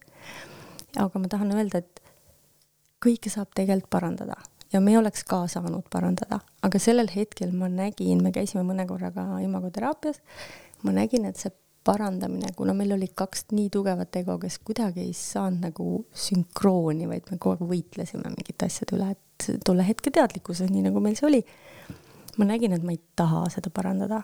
selle, selle võtme alt, et see oleks olnud töö, öeldakse, et tehke suhtega tööd ja mul oli kuidagi see selgus, et aga minu jaoks on midagi veel et see mhm. kogemus sellisena on läbi. ja ma püüdsin väga luua sellist rahulikku lahkuminekut, mul olid hästi suured süümepinnad, sest ma ikkagi tundsin, et kuna mina olin see, kes sellest uksest oma kotid välja tõstis, et ma nagu rõhkusin meie pere ära ja kõik, mis siis, et meil tegelikult reaalsus ei olnud nagu ammu enam ilus. ei olnud kunagi vägivaldsed, aga me hästi palju tõstsime häält, laps ärkas hommikul selle peale, et me kisasime kuskil jälle suures toas onju. Ja, ja noh, siis see, et kuidas nüüd laps selle kõige vahel on et oli siis varateismeline ja, ja mul tegelikult oli kogu aeg sees see tunne et mul on vaja see otsus teha, ma pean minema ja ma leidsin sellest jõudu. see oli väga crazy, ma tegelikult kolisin äh, üle koridori, sest jälle toetatud teekond. sel hetkel, kui ma tegin otsuse, tuli minu äh, sõbranna, kellel oli üle koridori korter, ütles, et kuule, mul nüüd lähevad üürnikud välja. ma olin varem talle maininud, et ma võib-olla tahaksin seda korterit üürida, kas sa tahad? See oli see, et okei okay,, mul on otsus tehtud. ja seal äh, sisemine tarkus toetas mind. jälle teadmata, ma ei saanud sellel hetkel aru, minu seest tuli üks mantra. selles uues korteris olid siuksed suured kahepoolsed esikus peegliga uksed. iga kord, kui ma läksin sinna korterisse, ma seisin seal peegli ees, noh, ma lihtsalt läksin sealt mööda ja mul tuli inglisekeelne mantra. This is my home, I live here mm. -hmm. ma ei ole üldse inglise keele kasutaja igapäevaselt, sel hetkel ei olnud ja lihtsalt ma käisin ja nagu automaat iga kord ütlesin, siis see tuli mu seest, see ei olnud see, et ma mõtlesin, et nüüd ma pean seda ütlema. ja siis ma saan tagantjärgi aru, et see oli see, mis kinnistas seda, et see on tegelikult nagu see, noh, see, ma ei saa öelda õige tee, aga see tee, mis minu jaoks tol hetkel oli. ja noh, see, mis sellele järgnes, need järgmised kuud olid ikka hästi-hästi rasked, ma väga palju kahtlesin, et kas ma tegin ikka õigesti ja aga see, see tunne mu sees oli see, et ma pean mm, -hmm. mul on vaja minna ja kui ma praegu vaatan selle tagasi, siis äh, selle valikuga ma andsin, ma ei tea, mis oleks tulnud, kui me oleks kokku jäänud, aga ma andsin endale tegelikult võimaluse kogeda imelist, tervendavat, toetavat abielu, mis mul on praegu, praeguse kaaslasega. et ja alati on valiku koht mm. -hmm. Ja ma ei tea, mis oleks järgnenud, kui me oleks kokku jäänud, mis siis, sealt oleks võinud tulla ka mingisuguseid kingitusi, onju mhm. Aga me ei saa teada, vaata, see on see otsustamise ja valiku koht, et sa võid jäädagi hulluks mõelda, et kui on nii, kui on naa, pane paberile, valin seda, saan seda, saan seda, aga me kunagi ei tea. ja siis tuleb lihtsalt seda tunnet usaldada ja minu kogemus, et minna ja valida. ja, ja ma täna näen, et see oli üks suurimaid kingitusi, mis ma olen endale teinud kogu austusega mu endise elukaaslase suhtes. see valikute tegemine ongi see koht, mis ma ise olen ka jälle Rally Transurfingu aru saanud, et neid tõenäosuseid ja mõne mõttes neid paralleelsuseid, kus need tõenäosused eksisteerida saavad. lõputu, mhm. onju, ma võin siin, ähm, see saade meil praegu on sihuke, nagu ta olnud on, on olemas miljon tõenäosust, et see saade on hoopis teistsugune või oleks mm -hmm. olnud teistsugune. ja nii edasi, onju, et äh, oleks vabalt olla ka tõenäosus see, et sa oleks öelnud mulle ei kutse peale, vabalt, mhm. onju, aga realiseerus üks stsenaarium. mis iganes põhjustel siis ta kokku langes, onju, et ähm, ja mõnes mõttes selle nagu aktsepteerimine, et you never might know mis on see teine nagu lahendus või oleks olnud mm. -hmm ja ma mõtlesin ka siia sõites selle peale, et, et mitte jääda kinni sinna, et ma pärast lähen siit ära ja siis mõtlen, oi, ma oleks võinud seda rääkida, et lihtsalt usalda, onju. see tuleb nagunii et lihtsalt usalda, et täna on nii. see tuleb nagunii, see tuleb alati, see tuleb, see on peaaegu iga inimene ütleb seda mulle podcast'i lõpus. kurat, ma oleks, tunnen, et ma oleksin nagu sellest vähem rääkida või oh, sellest jäi üldse rääkimata, et tegelikult nojah, okei okay.. see on alati, alati, see on, see on nagu noh, see on, see on lihtsalt alati on niimoodi, sa ikka mõtled, et kuidas oleks võinud olla parem. Äh, nii selles valguses, mida oleks saanud juurde anda ja mida vähemaks võtta mm. -hmm. Enda perspektiivist lähtuvalt. kuulaja jaoks täna tõenäoliselt on see saade ideaalne, onju, kes seda kuulma satub. ja kui ei ole, paneb kinni poole pealt, siis äh,, siis see oli täpselt sinna, see oli sinnamaani poole tema jaoks ideaalne tuleme saate viimase küsimuse juurde, kus ma ühendan äh, kaks küsimust korraga, mis on siis see, et ähm, mingil hetkel just nimelt jõudis sinuni uus armastus, sinust küll äh, kolmteist aastat noorem. Ähm, ei ole küll väga suur vanusevahe, aga sellegipoolest number lihtsalt välja tuua inimestele, sest inimesed, me rääkisime Meelis ja Liisaga samast ajast, eks ole, onju, neil oli kaheksa aastat vanusevahe mm. -hmm. ja mu isal endal, naisega on ka väga suur vanusevahe, et ähm, see on inimeste jaoks mingil põhjusel tihtipeale probleem või nagu koht, mida vaadatakse ühiskondlikult, jälle see mingi uskumus onju. mis iganes sildid seal kaasas käivad, aga mind just huvitab see pool, et ähm, tuli see uus suhe. kuidas ta tuli niimoodi ootamatult, äh, kas see midagi, mida sa taotluslikult lõid, eks ole, me räägime nüüd siin jälle siis äh, vision board'ist ja tegid siis endale, jätsid endale voodi kõrvale tühja ruumi ja kappi endale neid slot'e, kuhu riided panna ja riidepuud tühjad, eks ole, mis iganes sa tegid, onju ostsid juba Playstation viie varakult ette ära mehele noh, mis iganes wow. nii palju võimalusi. inimesed lähevad väga ekstreemsesse, tuua seda partnerit. ja, ja siis äh, too nagu perspektiiv, nii palju kui suudad nagu tuua sellise mm, äh, läbi austuse ja, ja siira armastuse, eks ole. sa ei pea tegema, kui sa tahad teha, aga lihtsalt minu huvi on selles, mida sa, kuidas ja, ja mitte ma sõnastan, kuidas sa võrdleksid neid kahte suhteid, aga ma ei taha, et sa võrdled mm, -hmm. vaid mida sa taipad, mida sa märkad, mis on nagu teistmoodi või miks on need suhted täiesti teistmoodi mm. -hmm. sest nüüd sul on paralleel olemas kahest erinevast justkui nagu suhtedünaamikast. Et ma nagu suhteid näen, et aga ei saagi võrrelda, need on lihtsalt mm -hmm. erinevad kogemused, aga ma saan äh, nagu vaadata, kuidas mina olin ühes ja teises. ja tänu sellele, et ma eelmises suhtes kõvasti seda egovõitlust sain pidada, lubasin endal pidada, siis see suhe on tulnud mulle õpetama, kuidas päriselt olla naine. sest et minu abikaasa on, äh, ta on minust, meil on siis niipidi, et tema on noorem, eks ju. aga seal ei ole kunagi olnud seda kohta, et ma tunneks, et ta on kuidagi noor või lapsik või pole valmis või pole küps või midagi, ta on lihtsalt nii teistsugune inimene, ta on niimoodi kasvanud ja tal on sellised vinged, tahaks öelda vana kooli, aga miks see peab vana kool olema, see võiks praegu ka olla. sellised kvaliteedid, kus ta lihtsalt avab uksi ja paneb mantli selga ja see ei ole see, jah, et see ei ole, see noh, kas on traditsioon, kõik mehed no, ei tee, onju. tahaks jälle kuidagi sellele mingit silti panna, aga, aga see oli see, mis ma, ma ei osanud üldse seda vastu võtta. no reaalselt, sa hakkad mulle mantlit selga aitama, ma pean vaatama, kus ma need käed panen, sest ma ei olnud harjunud sellise mhm. asjaga. ja, ja alistuda sinna et kui ma kogu aeg olen pidanud ise hakkama saama, selles eelmises suhtes ka, meil oli kaks võrdset osapoolt, kõik oli hästi nagu joone järgi pooleks, maksud pooleks, kõik toidupoed pooleks, siis tuli mees ja ütles, et aga kõik, mis on minu, on sinu. et võtta seda vastu ja lubada endal olla see naiselik ja voolav naine et mees saaks kõrval tunda ennast mehena mm. -hmm. sest ma täna näen, et eelmises suhtes ma ei lasknud väga tegelikult mehel tunda ennast mehena, sest ma tegin ise neid mehe asju, ma olen olnud täpselt siukene, vaata, kuna ma noorest peast nagu üksi pidin hakkama saama. nii, palun, kas sa saaksid selle kapiukse ära parandada? ahah, ei ole parandatud, okei okay,, ma parandan siis ise. noh, ja kuhu see jõuab, ongi siis tegelikult kaob ju teisel poolel ka huvi midagi teha, sest ta teab, et ma lõpuks niikuinii teen kõik ise või ei ole jälle rahul sellega, mis ta teeb. et seal oli nagu noh, see oli nagu ma, ma tooks selle näite, et see oli nagu ebateadlikkus suhtes ja nüüd on siis nagu teadlikkus suhtes. et äh, ja see vanusevahe ja kuidas ta tuli, ma ütlesin sulle enne, et ma ei kirjuta mm, -hmm. aga selle suhte ma tegelikult kirjutasin valmis mm. -hmm. jälle mingid olulised hetked, ma käisin oma vanavanemate haual suvel, ühel pisike surnuaed oli ja tuli lihtsalt siuke tunne, et nüüd võtsin märkmiku ja kirjutasin, see on puhas manifesteerimine. -hmm kirjutasin kuus lehekülge ja kuidagi ma ei teadnud, miks ma seda nii tegin, aga ma ei kirjutanud, mida mina tahan, mina tahan seda, teist või millist meest ma tahan, nii pikk, nii lai, teenib nii palju raha. mul kuidagi oli teadlikkus kirjutada kuus lehekülge, milline on minu tulevane suhe Mm -hmm. suhe on selline, mees seda, naine seda, kuid- ja kuidas ma ennast seal tunnen. see manifesteerimise minu arust kuldreegel, et kui ma seda tundega oskan küsida, siis saab see tulla mm -hmm. nagu, see loob selle ühenduse. ja kirjutasin, panin selle märkmiku kõrvale ja siis äh, ja ma ei olnud valmis, et ta tuleb nii kiiresti, sest mul oli esiteks tunne peale seda pikka suhet, et ma ei taha üldse enam endale paarilist, et noh, mul võib olla mingi sekspadi, aga mul oli see väljend, et aga mul on endal ka sokke, mida pesta, onju. ja, ja siis, kui ja nii huvitav oli ka see, et mul ei olnudki mitte kedagi üldse silmapiiril, ühtegi silmarõõmu, mis täielik rahu ja vaikusaeg oli nagu enda jaoks.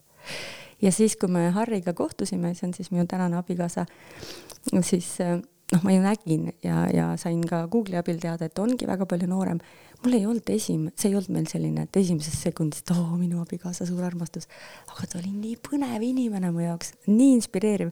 ma olen seda rääkinud, eks tema räägib võib-olla kunagi oma lugu.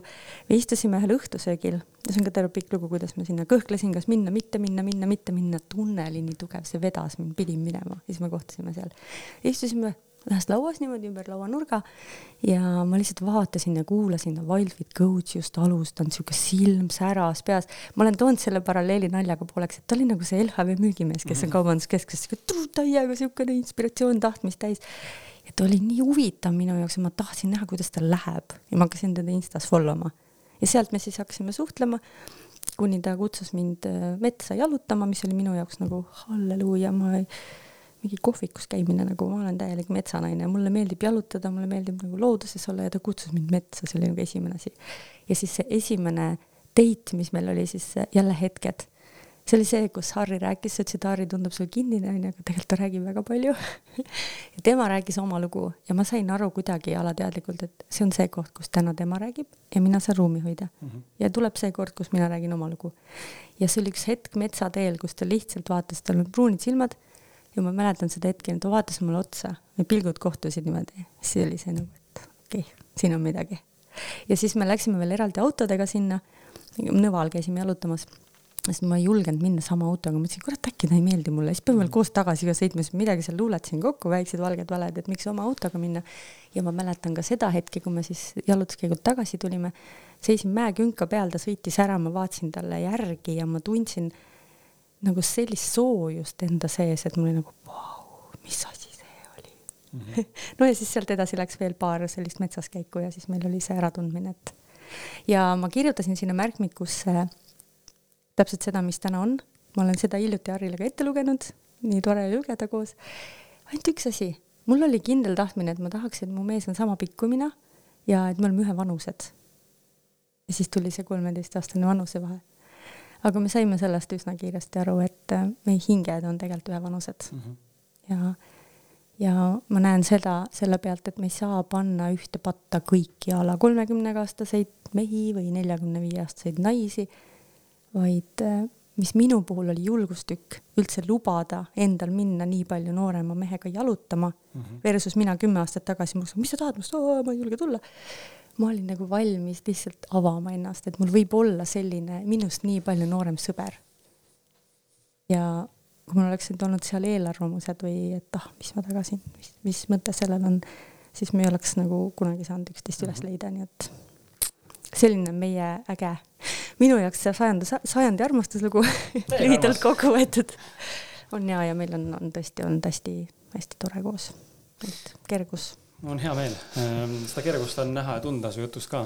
Ja, ja teie videot, äh, sattudes te videole ka, mis te siin paar päeva tagasi tegite selle väljakutse raames, siis ma nägin ka, et teil seal dünaamika on hästi sihuke, hästi sarnane, et äh, ühte, ühtemoodi inimesed ja ja kuulaja, kes siis siin kuulab, siis Harrit on võimalik varsti siin kuulata ka, võib-olla kui sa seda kuulad, siis võib-olla Harri saade on juba väljas ka, nii mine vaata Harri Parker nimelist saadet äh, minu episoodide repertuaarist.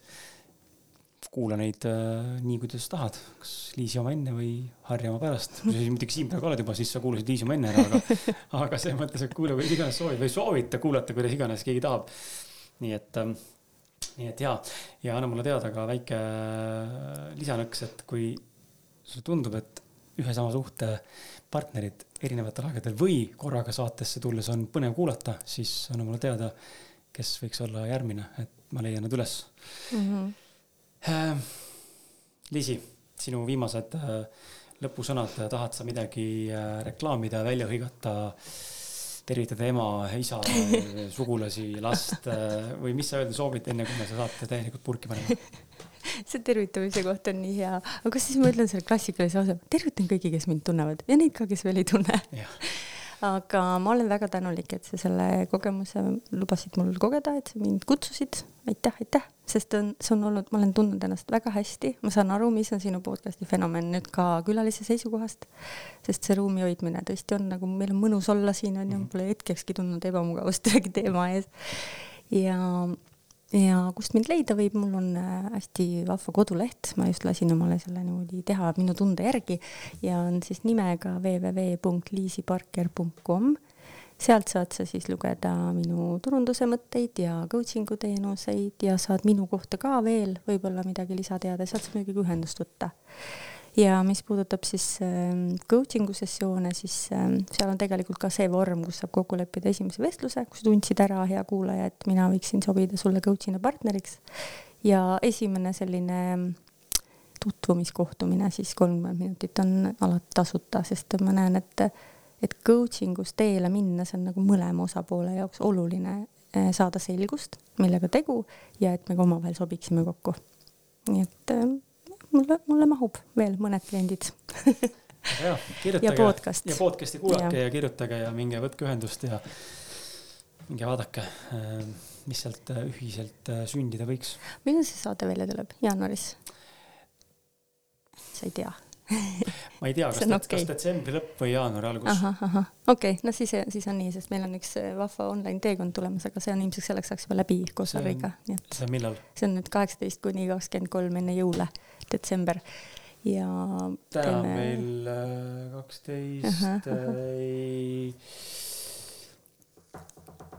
aga teeme niimoodi, et tuleb enne välja. oh vau, siis ma saan, kaheksateist jah? jaa, see on nädal ja me võtsime ette sellise teema, me oleme alati teinud mingi oma poolt kingituse või sellise väärtusloome iga aasta, et tavaliselt on see olnud kas, kuna meil tervislik toitumine on väga meie teema Harriga koos, siis me oleme teinud siin vee joomisväljakutseid ja rohelise smuuti omasid, siis seekord ei ole tegu väljakutsega, vaid me võtsime luubi alla sellise teema nagu isekus ja iseenda valimine. ja see sõna isekus on saanud kuidagi nii siuksed, ma tunnen, et seal on väga palju negatiivset, aga tegelikult kui ilus see on, kui me valime ennast esimesena. see klassikaline näide lennukis, et endale pane enne mask ja siis aita teisi, onju. ja meil on selline nädalane online teekond, kus me siis räägime sellest, kuidas valida selles pühade möllus iseennast kuidas luua nii, et sa ei pea sööma seda teist torditükki, sest keegi on sulle armastusega selle küpsetanud, aga tegelikult sinu keha enam ei taha. kuidas valida nii, et sa ei pea raiskama kogu, kulutama, investeerima kogu perekonna puhkuse eelarvet sugulastele sokke ostes, vaid lihtsalt minnagi perega reisile. kuidas nagu valida seda, mis sa päriselt tahad? selline teekond on meil tulekul. ja registreerida saab kuhu kohta, kuidas? see on äh, Isekad jõulud parkeritega ongi selline nimi ja meil on siis äh, maandumisleht, Facebooki sündmus, ma arvan, kõige lihtsam ma panen lingid, kõik lingid, mis Jaa, mainiti, saate kirjeldusse, saad sealt võtta ja võtta, võtta, võtta ja haarata ja klikata. ja jah, jep, aitäh sulle. aitäh, kaks tundi tiksus täis kiiresti. aitäh selle kuulaja, kes sul on olnud äh, tunne lõpuni kuulata, nii et just. äge, mul on hea ja meel. muud ei olegi, kohtume juba järgmises episoodides, kui mitte varem. tänaval näed, siis võid tere öelda ja kui number on, siis ära helista. aga kirjutada ikka alati. nii et äh, tšau-tšau. tšau. panimegi kaks tundi hakkama.